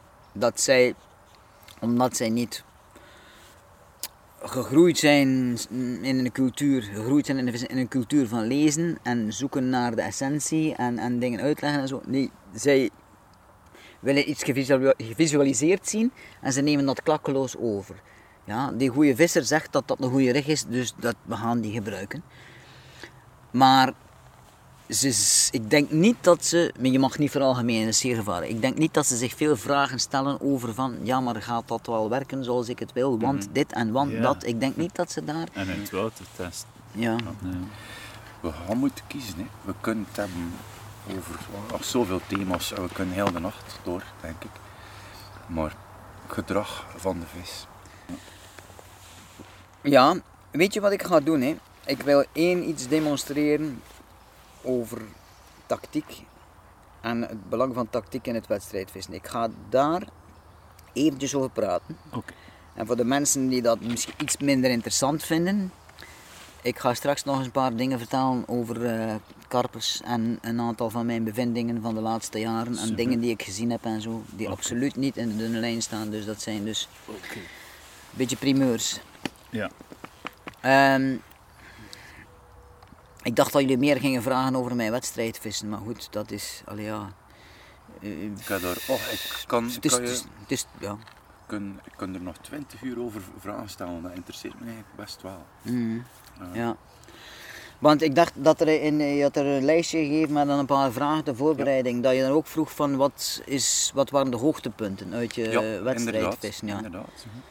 Maar ik zal het, ik, ik ga heel kort, heel kort zeggen wat, wat, wat, wat allee, op, op basis van. Ik ga er een, een, een- een, een, stoef, eh, een paar stoefminuten van maken. Ja. Go ahead. Go ahead. Mm. Ehm, de hoogtepunten waren natuurlijk ja, twee keer kampioen van België met de vaste hengel. En dan ja, wat medailles met de match, ook zilver en brons en zo. En twee keer de beker van Vlaanderen eh, gewonnen. En eh, ik ga eerst... eh, hm? Een muisje, ja. ja. Kijk eens aan. Ik kom mee luisteren, mag. Ehm, dus dat, dat zijn de hoogtepunten. Maar het zijn ook hoogtepunten door de manier waarop dat ze tot stand gekomen zijn. Want ik heb 12 jaar wedstrijden gewist. Maar ik heb niet elk jaar deelgenomen aan de Belgische kampioenschappen. Ik heb er maar een beperkt aantal meegedaan. Waarom? Omdat je altijd moest schiften in je provincies en, en moest die clubwedstrijden mee, allee, die provinciewedstrijden en die nationale wedstrijden mee vissen en zo, snap je? En soms deed ik dat gewoon niet, had ik daar geen zin in. En eh, dan kon je nog een keer schiften soms, wat ik zeg van voet. Ja. Maar ja, die. Het zijn geen dingen die mij overkomen zijn. Als je snapt wat ik bedoel. Ja, nee, nee. Het, is Nee, het zijn dingen, echt waar. Ik mag dat zeggen en, en het zal straks wel duidelijk worden als ik een voorbeeld geef. Mijn grootste prestatie vind ik, in mijn laatste jaar wedstrijdvissen was 2008. Maar dat was al uitbollen. 2007 had ik op voorhand aangekondigd dat ik de beker van Vlaanderen nog eens ging winnen. Echt waar, echt waar. En ik heb hem gewonnen met zes eentjes. Ja. Ik weet niet of je, of dat je iets zegt. Je, Ja, wist, ja, je ja. wist met 180 mensen. En je hebt sectoren van 20 man. En dat gaat over zes wedstrijden over heel eh, Vlaanderen verspreid. Albertkanaal, eh eh, Stasehem, eh, Ja. Dus je moet, je vist tegen, eigenlijk tegen 20 mensen die in je sector zitten. Win je je sector, dan heb je een 1. Ben je derde, dan heb je een 3. En je moet die getallen meenemen naar het einde van het jaar. En wie het kleinste, bij de optelling, het kleinste cijfer heeft, die wint de beker van Vlaanderen. Maar je mag je slechtste laten vallen. Ja. Dus je mag er één laten vallen. Wel, ik heb een 1 moeten laten vallen. Ik had zes enen. Ja. En daar praten ze nu nog over, dat meen ik echt wel. 6-1. Er niemand En dat daarvan, ooit- niemand heeft dat ooit gedaan. Nee, zelfs niet bij benadering. Zelfs niet bij benadering, nee. En dat was omdat ik wist dat ik op mijn einde liep van het wedstrijdvissen en is alles wat ik geleerd had, want ik heb zeer veel wedstrijden weggegooid, omdat ik zodanig bezig was met bijleren en experimenten en zo. Allee, ik had zoveel gewonnen, ik mag dat wel zeggen. Ik, wie me niet gelooft, zal ik de trofeeën tonen. Ik sta dan met al die dozen met trofeeën. Maar fijn. Dus, ja, ik, die muis, jong. Ja, Ja, maak een foto van, van, van, een, van een muis. Fantastisch. Had hij er nog een keer op je boek? Op mijn boek, ja, oké, Dus doen we gewoon voort. Ja, oké. de- Dus dat vond ik het, het, het, allee, het toppunt. Ja. Maar mijn strafste pers- eh, prestatie in, in wedstrijden die zat dan wel elders. Pas op, van die, van die, van die, van die zes wedstrijden, toen ik de beker van Vlaanderen won, heb ik er ook, ik weet niet meer, twee of drie algemeen gewonnen. Hè? Dus van de 180 man of zo. Maar nu, allee, mijn grootste prestatie in één wedstrijd, ik heb er eigenlijk twee. Ik heb ooit eens een wedstrijd gewonnen in de Koolhofput, een A-wedstrijd. ja, de kool. Kolofput, ja. Waarbij ik, eh, er, was, er waren 100 vissers. En ik won met rond de 23 kilo. En de tweede had 10 kilo 6. Och, Dus ik had de tweede meer dan... En dan heb je ja, 10 kilo 6, 10 kilo 560, 10 kilo 520. Snap je? Zo dat. Dat is een van de strafste die ik gedaan heb. En de strafste, nu, dat, dat is puur, ik ben puur aan het stoeven en aan het opscheppen over, over resultaten. het zijn, het zijn objectieve feiten. Het zijn objectieve feiten, maar goed, ja, ik bedoel, mensen interesseren zich. Maar nu ga ik eens iets vertellen over tactiek in het wedstrijdvissen. En dat was mijn tweede Belgische titel. En dat was op de watersportbaan. Dat was een verhaal hoor. Ehm, ik had voormiddags, ik zat in een kopsector. En echt wel, veel van de beste vissers zaten in mijn sector. En de kopsector, dat wil zeggen, ik zat op nummer 20 en nummer 1 zat ook in mijn sector. Dus die zitten op de buitenkant, die vangen sowieso meer vis dan iemand die... Oh, kijk eens aan, dat muisje zit op mijn boek. Ja, schitterend. Ja. Dat is, een, dat is een primeur, dat is de eerste keer. Ik zou er ook wel een foto... Ga je mij die foto doorsturen? van, Ga je ja, die ja, foto doorsturen? Mooi. Oké. Bon, Goed sector. ja, ik wou zeggen. Dus, s'morgens, ik wist van, ik zit op nummer 20. En dan ga je, omdat ik op de buitenkant zit, moet ik dan naar het midden van de sector. Dus ik moest naar nummer 10 's namiddags, ja. Maar dat was de halve finale, eh, was dat in de voormiddag. Dat is ik helemaal... eh, wacht hoor, moet, ik moet eens nadenken hoe ik... eh, Ja, want de punten van de... Ik, als ik mij goed herinner, want het is, het is een poos geleden, telden de punten van telde de punten van de halve finale voor de helft mee of zo, denk ik. Dus de beste gingen door naar de finale of zoiets. Ik weet het niet meer precies.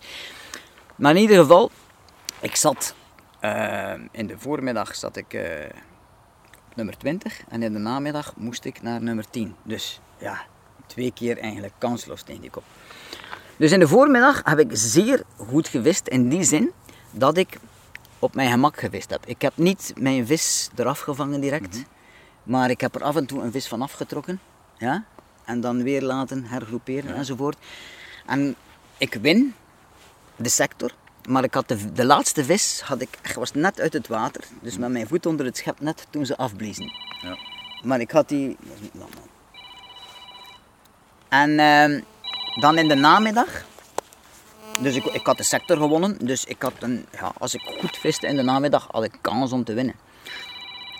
Maar ehm, ik moest naar nummer 10. En ik wist dat de watersportbaan, dat was in de voormiddag, daar hadden er... goh, ik schat 100 man, had er dus gevist. Neem nu gemiddeld 5, 6 kilo vis. Daar had dus ongeveer 600 kilo vis in de leefnetten gezeten. En dan weet ik, dat zorgt voor een enorme shock. Als die vis teruggezet wordt, gaat er dus een enorme shock door dat water. Er is een stress die erop zit op dat water, niet normaal. Dus ik wist van, wow mensen, dit gaat, vanmiddag gaat het hard en moeilijk worden. En we beginnen in de namiddag. En iedereen vangt direct een aantal vissen. En dan valt het stil. En ik had dat voorzien. Ik had zoiets van, ze gaan voeren. Er komen wat naïeve vissen komen daar snel op. Worden gevangen, maar dan gaat de stress compleet eh, toeslaan. Ja, want dan worden er weer vissen gevangen en zo. En die vissen gaan allemaal vluchten. Dus wat heb ik gedaan? Ik heb maar 35 minuten van de drie uur gevist. De laatste 35 minuten. En ik heb de hele tijd mijn stek zitten opbouwen. Dus ik heb gewoon, ik had een paar vissen, ik had gevoerd. Heel weinig. Veel muggenlarven, niet te veel voer. En dan gewoon niet gevist. En iedereen had zijn vissen al na een half uur en dat viel volledig stil over heel de lijn. En ik wist van, als er niet meer gevangen wordt, en er werd hier en daar nog wel een keer één vis gevangen, maar ik had zo het gevoel van, ik zal 5 kilo vis moeten vangen om die sector te winnen. En, en ik heb de hele tijd, de hele tijd zitten opbouwen. Dus met de cup, muggenlarven, met leem, pal onder die top, laten zakken. Niet vissen. Vijf minuten nadien, tien minuten nadien, poef, met die cup, weer. En wat doe je dan? Je gebruikt die paar vissen die je gekregen hebt in de opstart, zoals iedereen, iedereen kreeg een paar vissen op start, die gebruik je om iets op te bouwen. En door altijd maar op datzelfde kleine plekje met die cup een balletje ver in de leem te laten vallen, krijg je een enorme voedselheid op de duur. Want daar komt vis bij, ze worden niet verschrikt. Want je vangt er, je vangt er geen. Je hebt ook geen kans op inzwemmers, dat je ze verschrikt. Gewoon. En dat was de hele tijd. En op de duur lag dat te koken bij mij. Ja? En iedereen zat, ja, niemand ving dus. Wat doe ik dan? Ik ga er één vis afvangen. Dus ik ga erop. Ik moet enorm voorzichtig zijn, want de kans op inzwemmers is zeer groot. Doordat die vis daar echt redelijk, door die voedselnijd, redelijk actief op die plek bezig is, moet ik heel goed opletten. Dus ik, ik vis en ik krijg een beet en ik sla niet aan. Nee, ik haal mijn hengel uit en ik controleer, is mijn veer gepakt of niet gepakt? Hij was niet gepakt. Had ik aangeslagen, dan had ik een vis waarschijnlijk in zijn vin of zo gehaakt en was alles om zeep geweest. Dus weer balken zetten. Oké, En dan, op een bepaald moment, heb ik zoiets van, ik ga het anders doen. Ik ga mijn vis uiteen trekken. Ik ga een balletje een centimeter of 70 rechts van mijn top zetten en dan eentje een centimeter of 70 links van mijn top. En dat deed ik dat. Ik alterneerde, maar dat was niet heel een tijd. Ik zat ondertussen in het kantje te vissen. Op voorntjes, maar ik had er maar eentje of twee gevangen, zo voorntjes van 10 of 12 centimeter, om toch iets te doen. En er kwam zeer veel commentaar, want er liepen veel mensen rond. En die, die boven op de oever liepen en zo en al. Ah, botsvent, wat zei hij aan het doen? Miljarden had van nuchting. Een nieuwe vist, vindt en waarom wist hij niet? Vindt, godverdomme, hij hoeveel geld gaat dan? Zo heel de tijd van dat. Maar ik had ook het grote voordeel, ze bleven niet staan achter mij dan. Want dat is het ergste. Als je dan een één gevist hebt, 's morgens en je bent bij de kandidaat binnen, daar staat daar 30 of 40 man achter je, die niet meer vist omdat ze eruit gevist zijn in de voormiddag, maar die lopen nog rond en die willen weten wie. de- Hm? Dus die had ik, daar had ik dan ook geen last van. Dat was ook een zeer belangrijke tactische overweging. En dan ga ik dus, als ik die vissen wat uit elkaar getrokken heb, heb ik zoiets van: oké, ik ga nu links proberen een vis vangen. Maar ik viste met een boterzacht elastiekje. En in plaats van de, de meesten, als ze een vis aanslaan, ze trekken hem omhoog. En die ligt op wat te spartelen aan het oppervlak. Dat moet je doen als de stress op het water zit. Vooral dat. Nee, dat is het laatste dat je moet doen natuurlijk. Dus met een heel zacht elastiekje. En ik zeg, ik zit links. Ja, en ik ga naar rechts aanslaan. Dan gaat die vis normaal naar links vertrekken. De meeste wedstrijdvissen, totaal geen benul van. Hou daar geen rekening mee. Dus wat doe ik? Ik ga op links. Ik zet opzettelijk nog een balletje 20 centimeter meer naar links. En ik ga daarop vissen. En binnen de 20 seconden heb ik een beet en ik zie dat het een beet is, dat het geen inzwemmer is. Dus wat doe ik? Ik gewoon een zachte tik. En ik laat die vis kiezen waar hij naartoe wil. Maar omdat ik naar rechts aansloeg en die druk op rechts hield, ging die vis naar links van de plaats. Leg je de stok zo om, ja, oké, je schept die vis. Weer een balletje links gezet en dan rechts een vis gaan halen. Identiek hetzelfde. Boom, er laten afzwemmen op het gemak en zo. Dan stop, rust, balletje rechts, balletje links. Even een paar minuten niet vissen. Zo. En zo heb ik in 35 minuten met mijn kampioen van België gevist. Ja, Prachtig. Ja. En dat is, dat is één voorbeeld, maar ik kan er uren over vertellen over andere tactische benaderingen van wedstrijden die ik gewonnen heb. En en dat zo. is hoe dat je dan denkt, ook over je- Natuurlijk, natuurlijk, natuurlijk. Ja, ja. Ik kan nog een voorbeeld geven. Allee, meestal, de meeste als ze een braasem aanslaan, die trekken hem naar omhoog en zo, en dan veel, ja, veel misbaar. Met een, met, een, met, een, met een landingsnet van vier delen Ja, of zo, scheppen ze een vis eh, zes meter uit de kant. Bij mij niet. Mijn schepnet, mijn landingsnet, was één stukje van ongeveer anderhalve meter lang en daar zat mijn net, lag naast mij. Ik sloeg de vis aan. Ik liet hem altijd zelf kiezen waar hij naartoe ging. Dat was de, de manier om de minste misbaar te hebben en de, de vis het minst te verschrikken. Ja? Laat hem maar zwemmen. En ik viste met een boterzacht oranje elastiekje. Dus die vissen gingen dan naar het midden en dan legde ik de hengel over naar rechts of naar links, al naar gelang dat het best uitkwam. En die vis kwam boven bij mij, altijd kwam die vis boven, 60 à 70 centimeter uit de betonboord aan de. En dan gewoon mijn schepnet eronder. Nee, die vis had nog nooit een, een, een, een golf gemaakt op het water of nooit gekletst met de staart. In alle stilte en alle rust leidden ze ze pal naar de kant. En op het moment dat ze boven kwamen, legden ze zich en zaten ze in mijn schepnet. En daar ja, er zijn er veel die daar kwamen naar kijken, die zeiden van, "Ah, allee, wat doet die? Maar ja, dat eigenlijk ja, logisch is. dat de logica zelf. Ik kan nog een voorbeeld geven van een aantal wedstrijden die ik gewonnen heb. Dus dat was met Ver de Vaas. En dan ga ik gewoon, eh, dan schoot ik kasters op 7, 8 meter over mijn top. Maar ik viste daar niet mee. Gewoon 4, 5 kasters schieten. En ik hield dat drie uur vol. En dan ging ik met een heel licht pen en dan begon ik ze dichter te trekken. Dus ik viste op de bodem met Ver de Vaas en ik deed daar mijn visserij. Maar ondertussen schoot ik een paar uur aan een stuk kasters, meters over mijn top. En met kasters kun je bepalen waar je je vis wilt vangen. Ik heb dat daarnet al uitgelegd, denk ik. Hè? Als je veel schiet, dan zakken ze. Als je... oké. Dus ik, liet die, ik hield die vissen aan de praat. En dan na een uur of drie, dan zag je af en toe al een keer een serieuze kolk of zo, van een wind of van een grote voor, die een, die kon pakken. En dat is het moment dat je voelt van, ja, we gaan er een van tussen gaan plukken. En dan was dat met een pennetje, ja, een heel licht pennetje, maar ik trok die vis eerst wat dichter. Dus ik zat te voeren met die kasters, wanneer, als het ging van de, met de wind en zo, zat ik te voeren op 17, 18 meter. En ik viste met een 11 meter. Die vis werd daar niet verstoord door niets of niemand. Ik had dat voor mezelf alleen. En de mensen vroegen zich af, maar waar is die godmiljarden bezig? weer mee bezig? Vent? Die zei, Bots, je moet daar die vis geen eten geven dat 7 meter over je top vindt. Want, uh, allee, kun er niemand geen vis niet meer vangen omdat ze hij daar zit. Ik zeg, dat is niet verboden toch? Zeg, staat nergens in dat ik op mijn, mijn, mijn aas moest schieten op mijn top. Ja? Oké, dus deed ik voort. Dan zaten ze te mopperen en te zagen, ze konden ze mij niets. En dan na, na, na, na drie uur of zo begon ik ze dichter te trekken, die vis. En dan met een heel licht pennetje, subtiel, gewoon zo. Up, en moest je maken, voor die windes en die grote vorens, moest je ongeveer weten op welke diepte je kasters gepakt werden. En dan moest je maken dat de kaster aan je haak op exact dezelfde diepte kwam als de diepte waarop de kasters gepakt werden. Dus het is te zeggen, je zinkende kaster moest op hetzelfde moment op een meter diepte zijn, als op die diepte geaast wordt, moest op hetzelfde moment op een meter diepte zijn van je gevoerde kasters.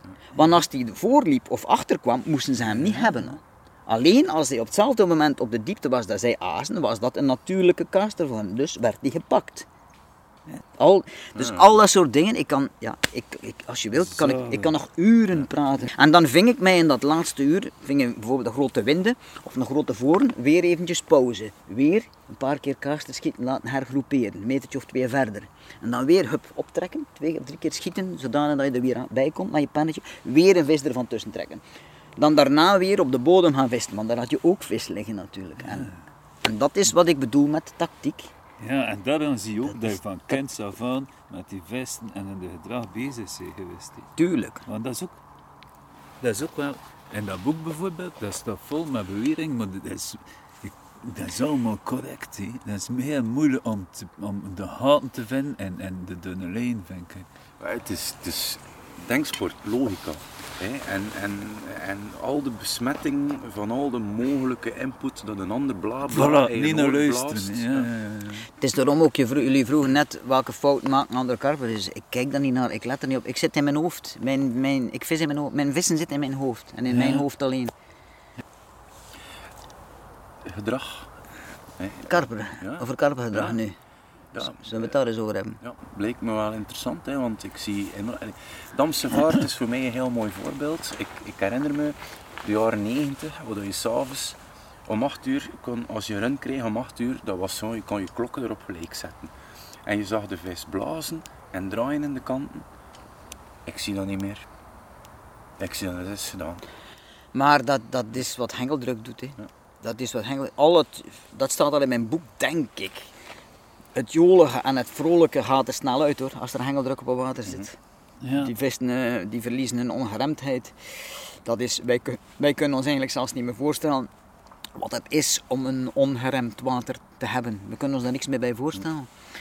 Dus ja, hengeldruk is. Ja.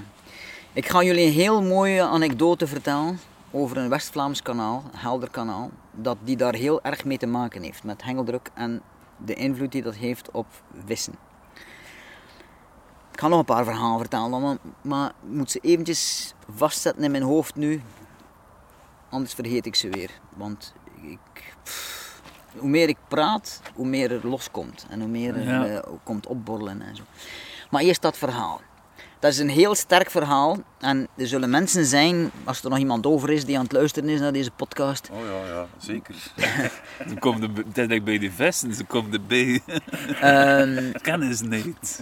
als er, zijn, er gaan mensen zijn die zeggen de baas heeft ze echt niet allemaal meer op een rijtje met dat soort dingen. Maar ik steek mijn nek uit en ik vertel wat ik gezien heb. En ik vertel het voor wat het is. En trek zelf maar jullie conclusies. Maar dit is het summum van ontwijkend gedrag. Dat is het meest fenomenale ontwijkend gedrag dat ik ooit bij karpers vastgesteld heb. Want er gaat een, het gaat gepaard met een vorm van bewust omgaan met. En dat kan niet, want karpers kunnen niet bewust redeneren. Karpers kunnen niet redeneren. Dus je moet al een soort bewustzijn hebben van, ik ben daarmee bezig. Ja? Begrijp je? Ja. Oké, daar gaan we. Daar gaan we. Ja, je, ja, je mag het in twijfel trekken. Ik bedoel, ik, ik, Ik ben- heel benieuwd. ja, ja, maar het is, het is, pas op, het is echt de moeite. Wat ik nu ga vertellen is hele straffe kost hoor. Ik zou het water graag bij naam noemen, maar ik ga het niet doen. Ik heb er al wel miserie genoeg. Ehm, ik zat in het eerste jaar dat ik daar viste, kanaal, had ik de indruk dat die vissen s'nachts zeer graag pal in de kant kwamen. Echt pal in de kant. Op het eerste trapje. Mensen die het water kennen zullen direct eh, snappen waar ik het over heb. Overdag niet zozeer, maar s'nachts kwamen ze in de zomer, in de warme, warme periode, kwamen ze toch zo graag op de kant. Dus wat deed ik? Ik ging in die kant vissen natuurlijk. En op een normale manier, eh, anderhalve meter uit de kant, net aan het eerste trapje, volledig slappe lijn, vanaf de top, poef recht naar beneden en zo eh, naar beneden. Volledig slap. Bon, ik kreeg die eerste nacht twee keer denk ik. Nee, één keer, één keer, één keer. Niet snel verzinken. Tududududu. En verder niets meer. Dus, dat wil eigenlijk zeggen, lood verplaatst. Want anders moet je terugkeren. Je waker gaat naar omhoog en blijft staan. Lood verplaatst. Misschien een andere verklaring. Wat denk je dan? Potverdomme. In het Engels zeggen ze, I've, been done. Ja, dus ze hebben mijn naast opgepakt en ze hebben er de haak uitgeschud. Maar dan, in, in de loop van de weken daarna, kreeg ik regelmatig, ook overdag, als ik pal in het kantje wist, wist ook wel regelmatig terugzakken. Dus inzwemmers. Mensen, alsjeblieft zeg. Inzwemmers, ik vis een meter en een half uit de kant. Mijn lijn ligt volledig plat, slap. Dat was de karper. die. Ik zei, inzwemmers, eh, raar, eh, wel raar iets. Maar dat bleef maar komen, overdag, s'nachts. Tuut. Ik werd gek. What the fuck is er hier aan het gebeuren? Ik lig nu maar een meter uit de kant. Mijn top ligt op het beton. Mijn lijn vertrekt vandaar. En toch krijg ik dat.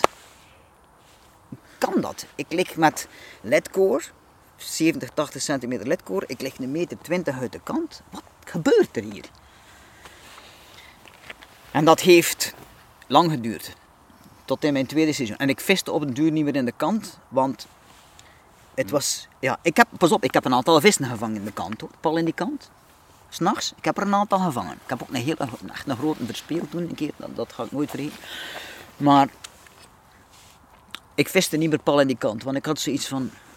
Allee, ik snap er geen zak van, maar ik kan hier nauwelijks een beet forceren. En toch heb ik elke keer indicatie dat er vis in de buurt zit. En op een bepaald moment wou ik weten wat er gebeurde. En op een bepaald moment zag ik vissen zwemmen rond de paai, dat was dat tweede jaar al, in de kant. Ja, echt, ze passeerden. Ik zeg, potverdomme. Ik zeg, het is het moment. Ik zeg, we gaan eh, een keer proberen. Ik ga hier een boei leggen, alsof ik aan het vissen ben enzovoort. En ik ga kijken. Ik stond achter een struik, polle bril op en zo, en ik kon goed zien wat er gebeurde. Achter een struik, dus het was eigenlijk... Allee, ik- zat hoger dan de vis. Ja? Ja. Maar als ik zeg wat ik, waar ik precies zat, dan gaat iedereen weten voor welk water het gaat. Dat ga ik niet Ja, doen. ja. En ik zie dus echt waar, ik, na een half uur, dus toen ik een half uur in lag, zie ik een vis passeren net voorbij mijn huis. En nog één erachteraan. Net voorbij waar ik lag. En ik denk, twee minuten later nog niet eens, komt er een vis weer. En die zwemt aan redelijk hoge snelheid met zijn bek tegen de bodem gedrukt.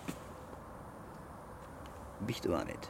Wat ik nu vertel, echt waar mensen. Ik zie dus een vis gewoon en die vis die pakt mijn lijn mee. Toen heb ik even twee dagen redelijk in mijn haar zitten krabben. Dat wil dus zeggen dat die vissen ze zien aansliggen, ze passeren, zien aansliggen. ze zien. Ze komen bewust op zoek naar een lijn. Ligt er een lijn of ligt er geen lijn? Ik heb dat echt waar. Die, dan daarna, toen ik, toen ik dat gezien had, had ik zoiets van, maar dit kan niet. Luc, dit kan niet. Je bent aan het fantaseren. Maar ik had gezien wat ik gezien had. En die vis, dat is nog het ergste van allemaal. Die vis is dan nog een keer teruggekomen. Of een andere vis, kon ik, heb ik niet echt op gefocust. Uit de andere richting. En alweer. En toen kreeg ik weer twee piepen. Tuut, tuut, tuut. Dus, een betere bevestiging kun je niet krijgen. Van, er gebeurt hier iets. Wat je niet voor mogelijk acht. En toen ben ik dus weer in die kant gaan vissen, zo, s'nachts. En dat was... Ik kreeg één run tegen zeven of acht keer dat je wat, wat toeters kreeg. En dat er verder in die... Er gebeurde ook niks meer dan, hè, verder in. En de keer dat het geïdentificeerd was, gebeurde er ook niks meer daarna. Meestal. Ik heb het dit jaar heb ik het opnieuw geprobeerd. Een strook met heel veel struiken. Ik wist dat er vis lag. En tussen die struiken heb je zo kleine gaatjes. Twee hengels in die kant gelegd. Zeer goed opletten. De boilies die ik voerde erover. En daarnaast, maar dan drie meter naast waar mijn lijn liep, een bal of drie, vier. En een bal of drie, vier erover. Dus geen boilies in de buurt van mijn lijn. hè. Niets. Dus ik heb zoiets van, ja, dit is zoals ik altijd vis. Ik ga kijken of het weer van dat is. Want het was, vorig jaar heb ik dat niet gewist. Ik heb niet gewist vorig jaar. Het jaar voordien had ik in de kant niet gewist, ik wou het gewoon weten. Kijk mensen, luister goed. Ik heb op mijn ene hengel vier keer een inzwemmer gehad die nacht en mijn andere hengel twee keer. Ik heb niets gevangen en tegen morgens was al de vis weg. Zo simpel is het. Dat is dus, en ik heb dat nooit meegemaakt op dat water, wanneer ik in het midden viste of verder uit de kant of zo. Nee. Blijkbaar is dat, ik weet dat daar in het verleden redelijk veel gevist is, pal in het kantje. Mhm. Het eerste trapken is daar een begrip. Of, of, of met, met van misschien van stropers. Ja, Ik weet het niet, ik weet het niet. Maar in ieder geval, als je in de kant vist, heb je een groot deel, pas op, ik heb er ook gevangen hè, in de kant. Maar een, een groot deel van de vissen, of toch een deel van de vissen, als je in de kant vist, gaan zij, is er iets wat hen triggert om op zoek te gaan naar lijnen. En er gaan er nu veel zijn die gaan zeggen, de baas is echt aan het doorslaan nu. Dit kan niet. Mensen, sorry, ik heb dat herhaaldelijk keer na keer na keer heb ik dat Ja. meegemaakt. Ik wil- Dus ik- ja, ik bedoel, wat valt er dan nog te vertellen over dressuur? Niet veel meer zeker? Weet je, Ja, ik, ik- ik- het is niet zo extreem, maar ik heb gelijkaardige dingen gezien. ja. En hoe, heb ik, hoe vang ik daar mijn vis? Is met de pen. Met de pen, ja, oké. Ja, omdat ja, men, ja, ja, er is ja. echt gewoon, loopt direct recht naar boven. Je Ja. moet gewoon twintig keer passeren. Maar ik zou dat wel... Ja, maar ik heb ook het gevoel, pas op, hé, ik heb ook al veel schrikreacties gehad van vis die in de lijn zwemmen als ik met de pen vis. Hmm. Op maagdelijk water oké hoor, maar op het moment dat er een beetje druk op zit, hé, man. Van het moment dat ze die, die, die lijn toucheren met een vin of zo, is het ook bolten en weg hoor. Ik denk gewoon bij, bij ehm, dergelijke vormen van, van associaties dat ze, die ze maken, kun je heel veel factoren ehm, gaan variëren. Hè, want iedereen varieert uiteindelijk op identiek dezelfde zaken. Hè. Geuren, smaken, richts. Ja, er, zijn, er zijn zoveel zaken. Eh, hoe meer factoren dat je kunt veranderen, hoe verder af die associatie met de schrik Ja. ligt. Ja. En, en dat, is, dat is eigenlijk hoe dat iedereen blijft er gewoon standaard, keihard, 20 jaar aan een stuk, dezelfde visserij doortrekken. Niemand vist er met de pen. Niemand Dat is waar, maar verdorie, man, dat, dat, dat zijn wateren waar dat je niet echt eh, om de drie of de vier uur een beet gaat krijgen Nee, met je pen hoor. Dan moet je soms twee dagen vissen en een nacht om, om een beet te krijgen. hè. Ik moet zeggen, tegen dan is mijn con- concentratie al een klein beetje verslapt. Ik zou, wel, ik zou er wel even een kleine ane- anekdote tussen steken, want ik veste in de Schorre, dus het past wat vandaag is Tomorrowland. Vanop dus die brug, die Tomorrowland-brug, en dat is kraantjeswater, dus ik had dat zeer goed doorkijken. En er waren allerlei eh roofblijen en één karper. En ik laat dus mijn dobber zaten met aan de haak van die wasmotten, eh, larven van die Ja. grote. Dus voor zijn neus, die karper zwemt er naartoe, had een neffens die naak gehangen met zijn oog op 3 centimeter van die naak, kikt en is weg. Nou, die, is, die was naar de oogarts achter een bril, die was onder een bril. Nee. nee, nee, nee, nee, die zag die naak, Ja, ja. effectief. Maar ja, goed, er zijn ook beelden nu, ehm, die staan op YouTube denk ik, van dus ehm, een eh, dode voren die gevist wordt, ik denk een ongeveer een meter onder een dobber. En je ziet een snoek afkomen, heel traag, tergend traag. Komt hij naar die, totdat hij een paar centimeter van die vis is, dan komt hij nog een beetje dichter. Hij pakt die vis in zijn bek, de snoek. Hij verzwemt heel traag zachtjes en hij laat hem meteen los. Hij Ja. voelde al dat het niet normaal was. Dus Ja, dat, staat, dat staat op YouTube ergens, dat is gefilmd. Dus een snoek, je zou denken, die vliegen erop. Ja? Ja. Die rammen dan naar binnen. Oeh la la. Nee, Ja. nee, nee. Zeer traag, zeer subtiel. Eventjes met de lippen ja, tasten, voelen dat, er, dat het niet normaal is, dat er een beetje weerstand is van die dobber of wat dan ook. Loslaten en weg. Op dode gemak weg. Vol zelfvertrouwen. Ja, Dat is fantastisch, dat instinct, hè, dat dat ontwikkeld is. Mhm, zitten- Ja. In mijn tuin zitten er nu jonge merels, dat beest maar een slecht instinct dan die, en die vallen uit hun nest, die zitten er nog twee weken op de grond, die hond loopt daar rond, dat zwembad staat, allee, dat is echt vergeleken bij een karper, dat is niets. ja. Denk je dat En er dat- zijn nog dingen, eh, oh, er zijn nog zoveel dingen. Ik ga nog eens iets, iets, iets, iets vertellen over... eh, Kom terug. Kom je terug? Oké, we zal even... eh, wat, wou je, wat wou je zeggen? Nee, nee, maar ik, ik, ik zie zelfs als nieuwe karpers geïntroduceerd worden in het water, dat die heel snel het gedrag overnemen van de rest. Ja, Ehm, natuurlijk. de- de- allee, v- ik, er is echt een fundamenteel verschil voor mij aan het ontstaan tussen de hengeldruk die we vroeger hadden, toen hij met drie of vier op een, op een water bezig was, en de hengeldruk die er nu is. Want nu zijn we met, nu zijn we met 20 bezig op een water. Een beetje luider, denk Ja. ik. Ja, dan ben je nu, nu Ja. met 20 op wat water bezig. Ja, natuurlijk. Is, er nu, is er dan veel meer eh, hengeldruk. Dus allee, ik, ik begin echt te merken dat die vis toch nog veel dieper, nog veel harder gedresseerd is dan bro. Ja, ja, ja. Ik, man, ik ervaar dat. Ik zeg het net, ik vang misschien nog, als ik het, eh, de uren omreken naar karpers, 20 of 30 procent van wat Ja. ik vroeger ving. En het heeft gewoon te maken met, weet je wat je ook hebt, hè? Allee, je vangt één vis, hè? En heel de buurt is verstoord. hè. Ja. Vroeger vangen, vingen wij series. Hè. Nu kun je er één of twee vangen Ja. en het is Ja, game over. Hè. Het is afgelopen. Hè. Want heel de... En je moet niet terugkeren de dag nadien. Hè. Ze zijn weg. Hè. En een grote kunst tegenwoordig is dat je lang genoeg moet vissen op een water om het redelijk goed te kennen. Ik ga je zeggen waarom. Weer heb ik het over die kanalen. Want ik vis veel op kanalen. Waarom? Op een kanaal heb je altijd plaats. Op openbare wateren die plassen zijn en zo, de beste stekken zijn bevist of zijn, plat, eh, zijn bezet of zijn platgevist of wat dan ook. Maar op een kanaal heb je altijd plaats. Op een kanaal heb je ook het voordeel op een plas zien, de mensen weten, de meeste mensen wel, ja, de vissen zitten daar op het moment, want ze tonen zich veel meer. Op een kanaal tonen ze zich doorgaans een heel stuk minder, zeker als de dressuur op zit. Dus op een kanaal, als je, als je wat tijd steekt in het zoeken van de vis en je kent het water wat, als ze hier en hier en hier niet zitten, zullen ze waarschijnlijk wel daar zitten. Dat is onder andere ja, een manier om, om daarmee om te gaan. Eh, dus op een kanaal heb je, heb, je, heb, je, heb je altijd wel ruimte. Maar ik, ik, ik leer dingen op die kanalen. Allee, er ziet heel veel mensen die toekomen en die zetten zich ergens. En die gaan ervan uit van de vis kan altijd passeren. Ik zal eens een keer iets vertellen hè, over die passerende. Hè. Die passeren op een kanaal dat 4 meter diep is. Hè. Meestal 3 meter boven je rug passeren ze. Want ik doe iets wat ik heel weinig mensen zie doen. Ik ga op bruggen staan en kijken. En ik, doe, ik ga op bruggen staan. Nu, nu verklap ik veel hoor. Maar er zijn er nog weinig die het gaan doen. Maar bij het eerste licht in de schemering op een brug gaan staan. Ja, je ziet vis hè, op een kanaal. Als je er lang genoeg staat, zie je vis. Hè. En op een kanaal een vis zien. Ik heb altijd het gevoel, als je er een ziet, zit hij zelden of nooit alleen. Zeker als hij zich toont. Snap je wat ik bedoel? Een vis die zich toont, is bijna nooit een vis die alleen is. Dat is een heel belangrijke tip.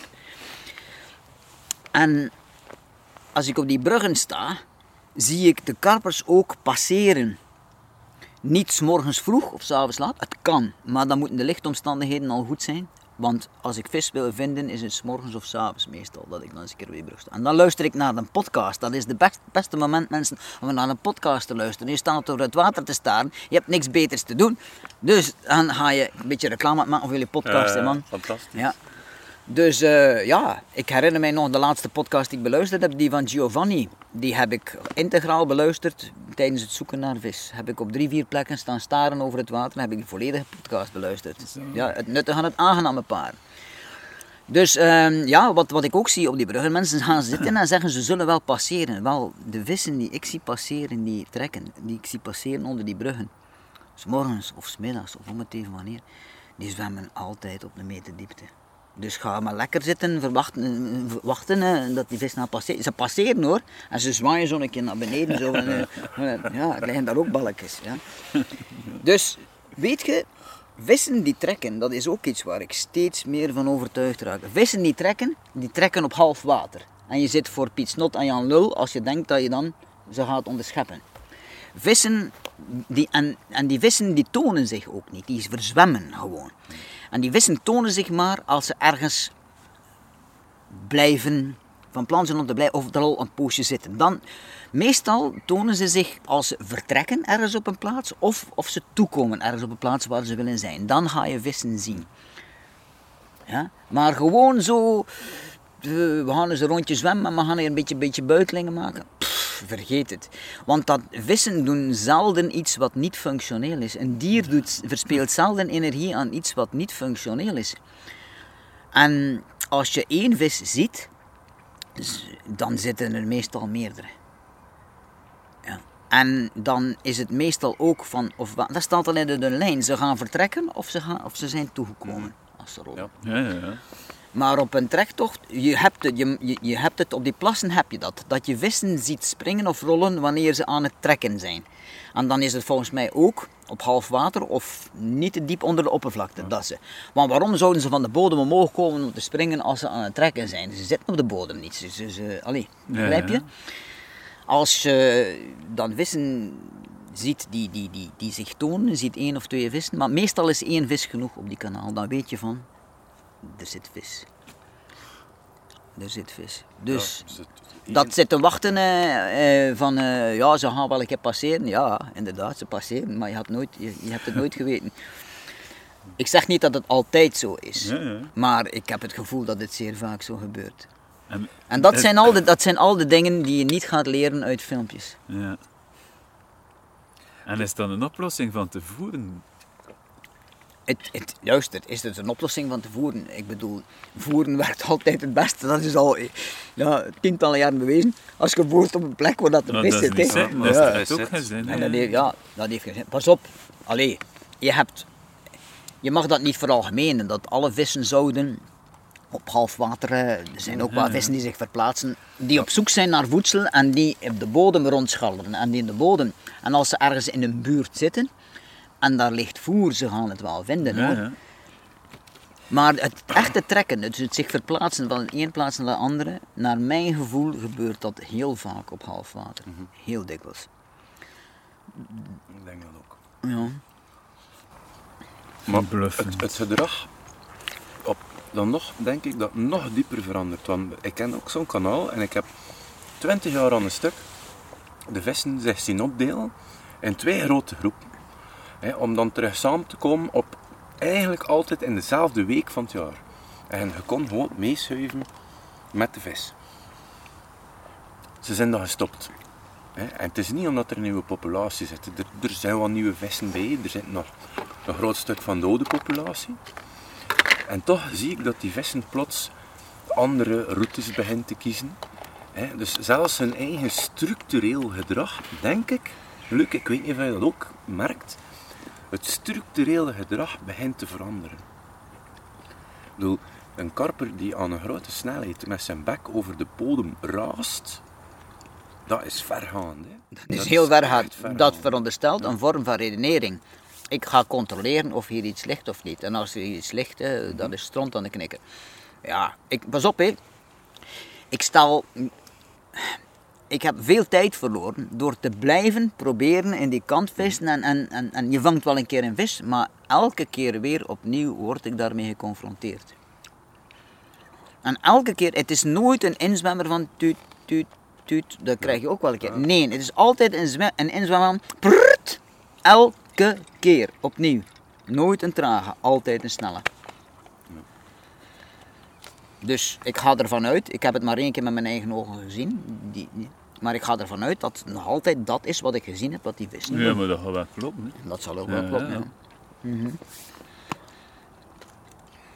En dan voeren, voeren, het, het belang van voeren. De ene vis trekt de andere op het aas. hè. Dat is een, ja. Ik heb ook wel het gevoel steeds meer dat je de idioten vangt op voer. Op voer. Gewoon de idioten.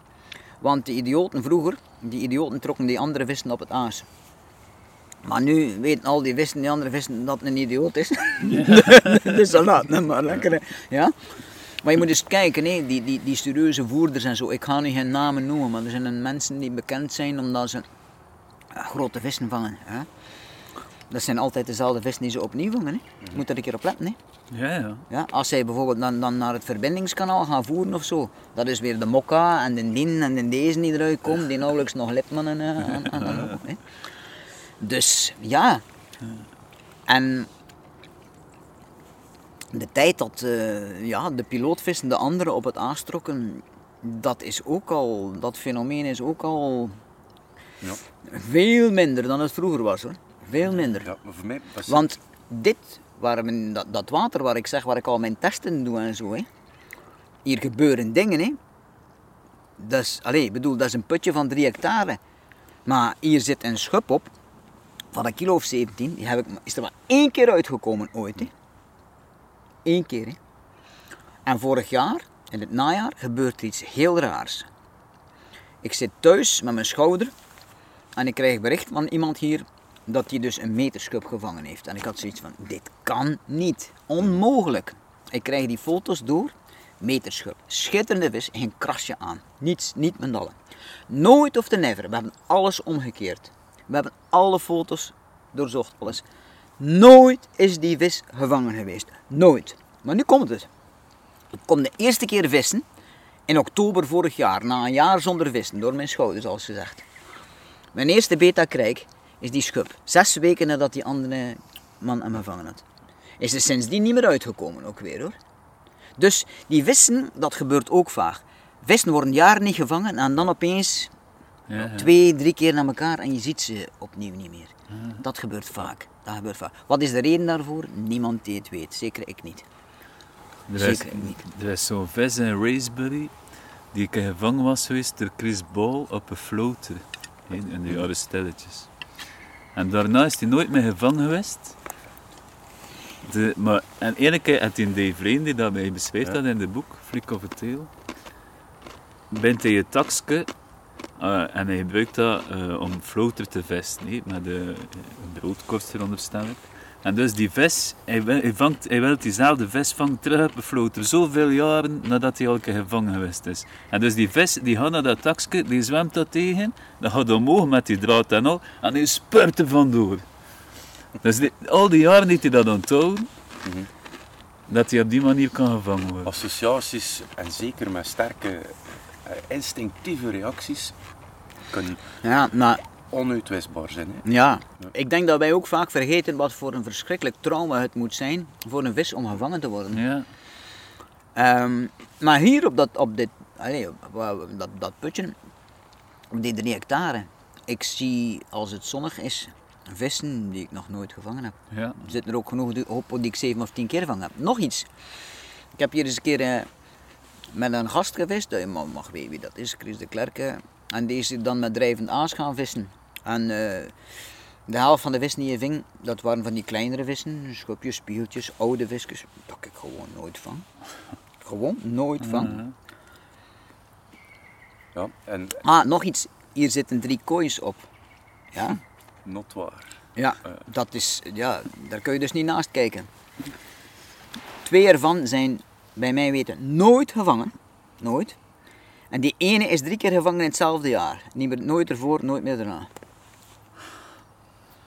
Verstaat het maar. En ja, pro- probeer dat maar eens te begrijpen. En dat valt op omdat dat koois zijn. Je ziet ze altijd overal zwemmen. Twee van de drie zijn niet gevangen. Er zit een witte, er zit een geel en er zit een oranje. Die oranje wordt drie keer gevangen in één jaar.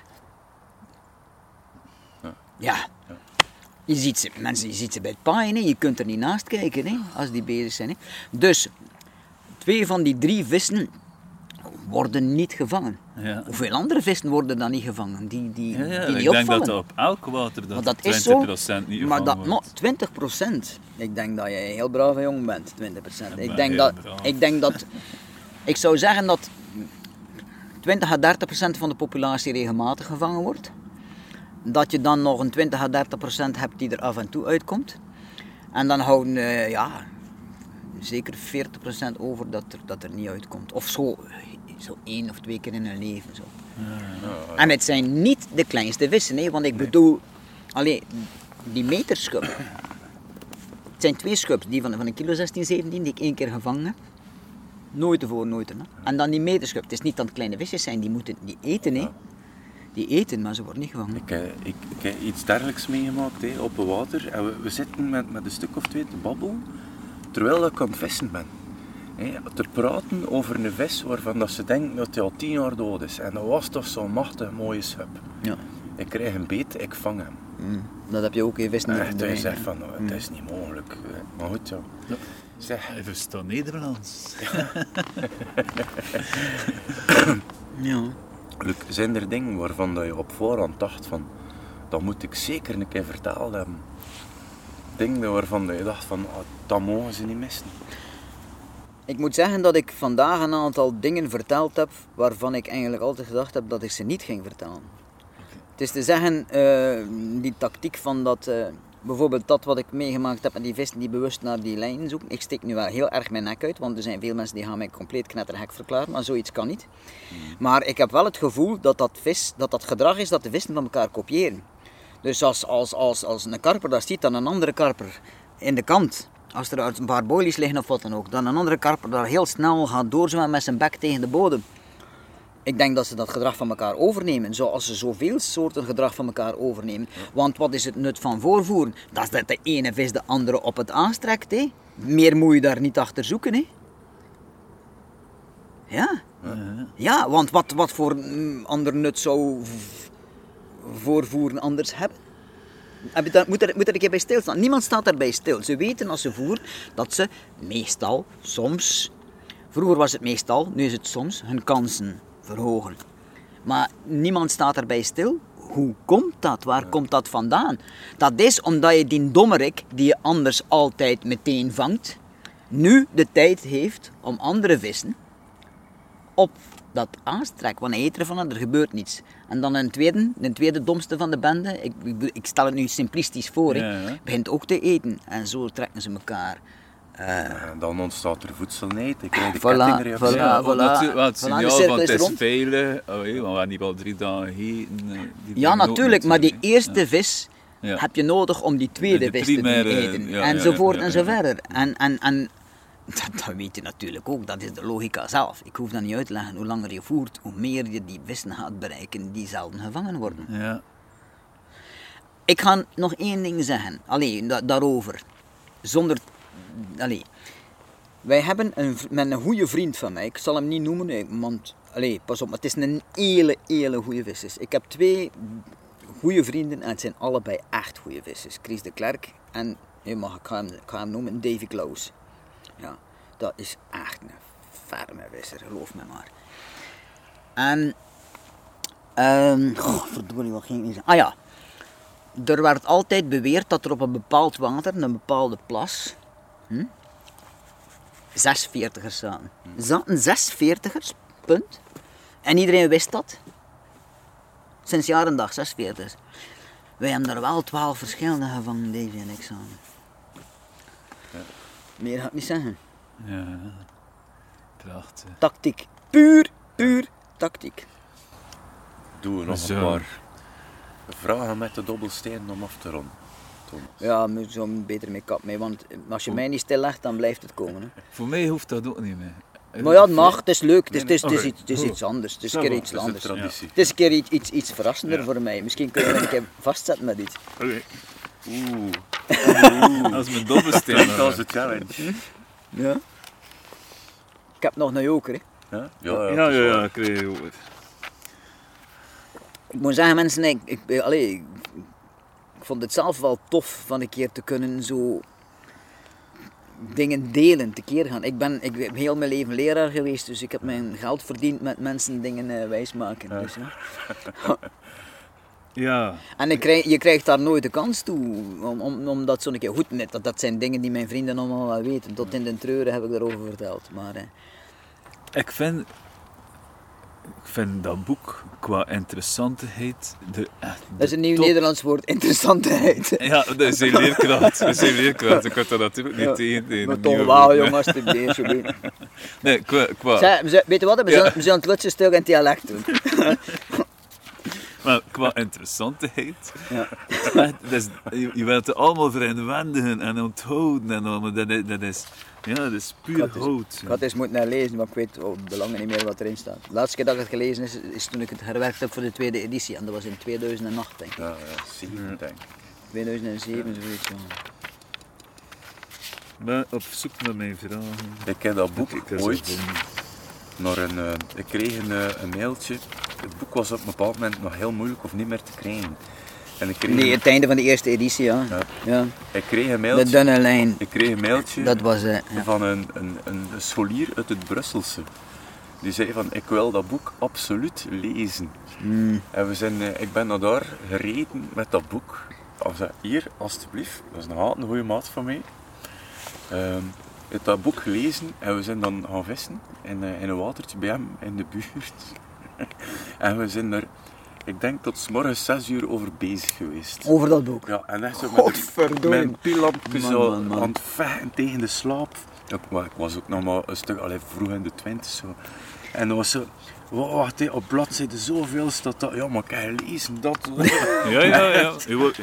Ik, ik, ik had nooit kunnen vermoeden dat dat boek zoveel ging losmaken bij de mensen. Dat, dat is, allee, ja. Het is, Terwijl dat het eigenlijk, maar dit ga ik nu niet zeggen. Ik ging, het, ik ging een soort eh biechten doen, maar eh, ik ga ze niet doen. Ik ga het niet Ja, doen. Ik ga, ik Ja. ga niets kapot maken. Oké, oké. Het is gewoon, ja, technisch, is, standaard. Je voelt jezelf een betere visser als je dat boek gelezen hebt. Maar kom, Ja, en, dat, genoeg. en ik heb dat geschreven vijf jaar, nadat ik, vijf jaar nadat ik gestopt was met karpenvissen. heb ik geschreven. En dat is een groot voordeel geweest, want dan krijg je afstand. En afstand schept perspectief. En perspectief is het belangrijkste wat er is. Wat is relevant, wat is niet relevant. Ja. En dan heb je ook alles de tijd gegeven om in zijn plooien te vallen. En krijg je een soort structuur in de dingen. Had ik dan meteen moeten schrijven, nou, het ging zeker zo goed niet geweest zijn. Hè. ja. Oké, we gaan beginnen aan de vraagjes. Hier gewoon een keer swipen over dat scherm. En dan zeggen hoeveel dat je hebt. Dat is Vijf. vijf. Vraag 5. Dat voor, voor jou gemakkelijk zijn. Hoeveel kilo is 40 pond? Maar Nederlandse ponden of Engelse, Engelse ponden? ponden. Engelse ponden. 18 kilo en een klein beetje. Ik kan het eens opgeschreven, maar ik kon het niet vinden. Denk. ik. Ja, maakt niet uit. Maar wel Een pond is 453,4 gram. Dus, Juist. En ja. weet je wel, ja, ja, ja. En weet je ik dat heb dat Engels komt? gegeven, man. Kom aan. Die vraag heb ik dik Zeg, genoeg voor jou is het Ja. En weet je dat dat komt? Dat dat zo 4,5359237 is eh, een pond. En dat komt omdat dat het gewicht is eigenlijk van een potje jam, Engelse confituur. En daar is dat op gebaseerd. Maar die man moet nog een beetje stress gehad hebben bij het uitwegen van die confituur. Er vent tot vijf cijfers na de komma moest ja. dat juist zijn. Man, man. Hey. Kijk, kijk, zeg het je maar. En een kilo, eh, dus eh 40 pond is 18,144. 18 eh, kilo 144 gram. Ja, inderdaad. Dat wouden we per se weten. Je mag nog een vraag draaien. Ja. Eh, 19. 17 is 22. Krijg je er stress van? Maar allee, jong, kom aan. Doe er maar een aantal. Ik vind dat tof, het onverwachte. zo. Oei, dat ga je niet wel Maar ik hoop dat ze een beetje, ik hoop dat ze een beetje ja, interessanter zijn dan, dan, dan die pom. Ja, dat is interessant, maar je gaat hem niet wel antwoorden. Heb je een edge en zo ja, wat? Een edge. Ja. Mijn hoofd, jongen. Mijn hoofd is mijn edge. Al, heel mijn visserij speelt zich in mijn hoofd af. Daar wordt alles samengebracht en beredeneerd. En, en, en, en ja, niet bang zijn om, om, om, ja, om dingen te testen. De Ja. hele tijd. Ik- Dit, dit, dit, ik heb hier al tien jaar een vergunning. Mijn testwater. Ik bedoel, er zit veel vis op. Ik weet precies wat ik kan verwachten. Ik vis altijd één tegen één. Altijd. En op drie sessies weet ik hoe laat het is. Ja. Is het goed of is het niet goed? Hetzelfde met een aas. Ik kom twee keer, anderhalf kilootje. Hè. Gewoon een beetje openstrooi, een beetje hier, een beetje daar. hè. Ik ga daarop vissen en ik heb een referentieaas waarvan dat ik weet dat het het beste is wat ik hier heb. Ik heb er nooit echt mee gevoerd, maar... En dan weeg ik dat af tegen dat. Voilà. Dus wat, wat is mijn wapen? Mijn hoofd. Ja, Mijn hoofd. oké. Nog eentje? Nog eentje. De laatste. Wow. Ik vind dat het tofste deel van, het- Ja, van, het tofste deel van, 21. van, van, de, van de podcast, dan. Wat is je mooiste herinnering? Moet het met de vissen te maken hebben? Dat mag mag je. Nee, nee, nee, nee, nee, nee, nee. Ik denk de meest... Wat ik mij altijd zal blijven herinneren, dat is de vangst van Rambo op het Campies. Er zijn veel herinneringen. Ik heb er wel honderd die heel speciaal zijn. Maar het gevoel dat ik had, dus ik heb dat kunnen lezen in, in, in, in het boek. Ik dacht dat chef van den Oven er een had, maar het was mijn Noptonic en het was mijn centrale die niet ging. Dus ik was de boel al voorbij, stok al voorbij gelopen, maar dan moet ik terugkeren en zo. Maar die vis zat in ondertussen zo ver dat ik die echt met het schep dat over mijn kop en de koord onder mijn, onder mijn kin, zo gezegd. Ik had met twee handen nodig om die, om die vis eh, onder controle te krijgen met die stok. En dat ik dus die vis schepte op, ik denk, ik ga niet overdrijven, 80 meter, misschien wel 100 meter van waar ik zat. En dat ik dus die, met die vis omgekeerd, dus met zijn rug naar beneden, tussen mijn twee armen geklemd. Dus ik had de, de, de steel uit het schepnet gehaald, ik had de lijn doorgebeten En dat ik dus in het holst, om, om 11 uur s'nachts in februari, met die zware vis in mijn armen geklemd, terugloop naar mijn plek. Wetende van, ja, dit is de grootste die ik ooit heb gehad en die zal door het Benelux record gaan. Gewoon- En gewoon het alleen zijn op dat moment, in het pikkendonker, met die vis in je armen geklemd zo, terugstrompelen naar je plek zo. Dat, dat, dat, dat, dat herinner ik mij nog zo alsof het gisteren was. Zo. Zo'n sterke herinnering. En dan ook naar zo'n beestige drill, jong. Want dat was, man, dat, die vis vocht, vent. En dan had hij al, ja, weet ik veel, 60 meter lijn genomen of zo voor, voor ik die hengel oppakte. Omdat ik dacht dat, eh, dat de chef was die een had in plaats. Omdat die gewoon een centrale die niet gaat. Maakt dat een dramatisch. Dat, dat is de sterkste herinnering die ik. En een tweede, een die er nu kan mee wedijveren, is dat ik dus in die storm op Forêt d'Orient, in die grote boot van Jeff van den Oven, achter die vis ga. En die vis maar niet geschept krijg, omdat de wind zodanig hard blaast en die boot zo groot is dat ik maar niet bij die vis geraak. Want elke keer als ik mijn net uitsteek, wordt die stok weer platgetrokken, omdat die wind op die, die boot wegduwt van die vis. Dat is ook een zeer sterke herinnering. Dat die, want dat heeft zo lang geduurd, totdat die vis zodanig uitgeput was. En ik ook dat, dat, er, dat er niks anders meer op zat. Dan, eh, maar we waren ook gestrand. Hè. We waren helemaal tot in de kant geblazen in, in, in, in het wier. En daar zijn we tot stilstand gekomen. dat was ook een ja, machtige herinnering hoor. Machtig hoor. Formidabel. Formidabel. Van die momenten dat je het meest alleen op de wereld bent tijdens Ja. het vissen. Dat zijn de, dat zijn de strafste herinneringen. En daar mogen we mee stoppen nu. Ik vind het een mooi einde. ja. ik Dat is vind het een mooi ja. einde. Bedankt. Ja, super bedankt. Dankjewel gasten. Ik heb er zelf van genoten van eens goed gasten te kunnen geven, Ja, te praten. En, en ja, Dank u wel. We zullen dan- we zullen bijna direct aan het tweede deel beginnen. nu. Binnen een paar jaar. is dat, het is dat, het is dat. Ja, we gaan afsluiten. Ik ben blij dat je, allee, ik ben blij dat je het, ge- ja, dat je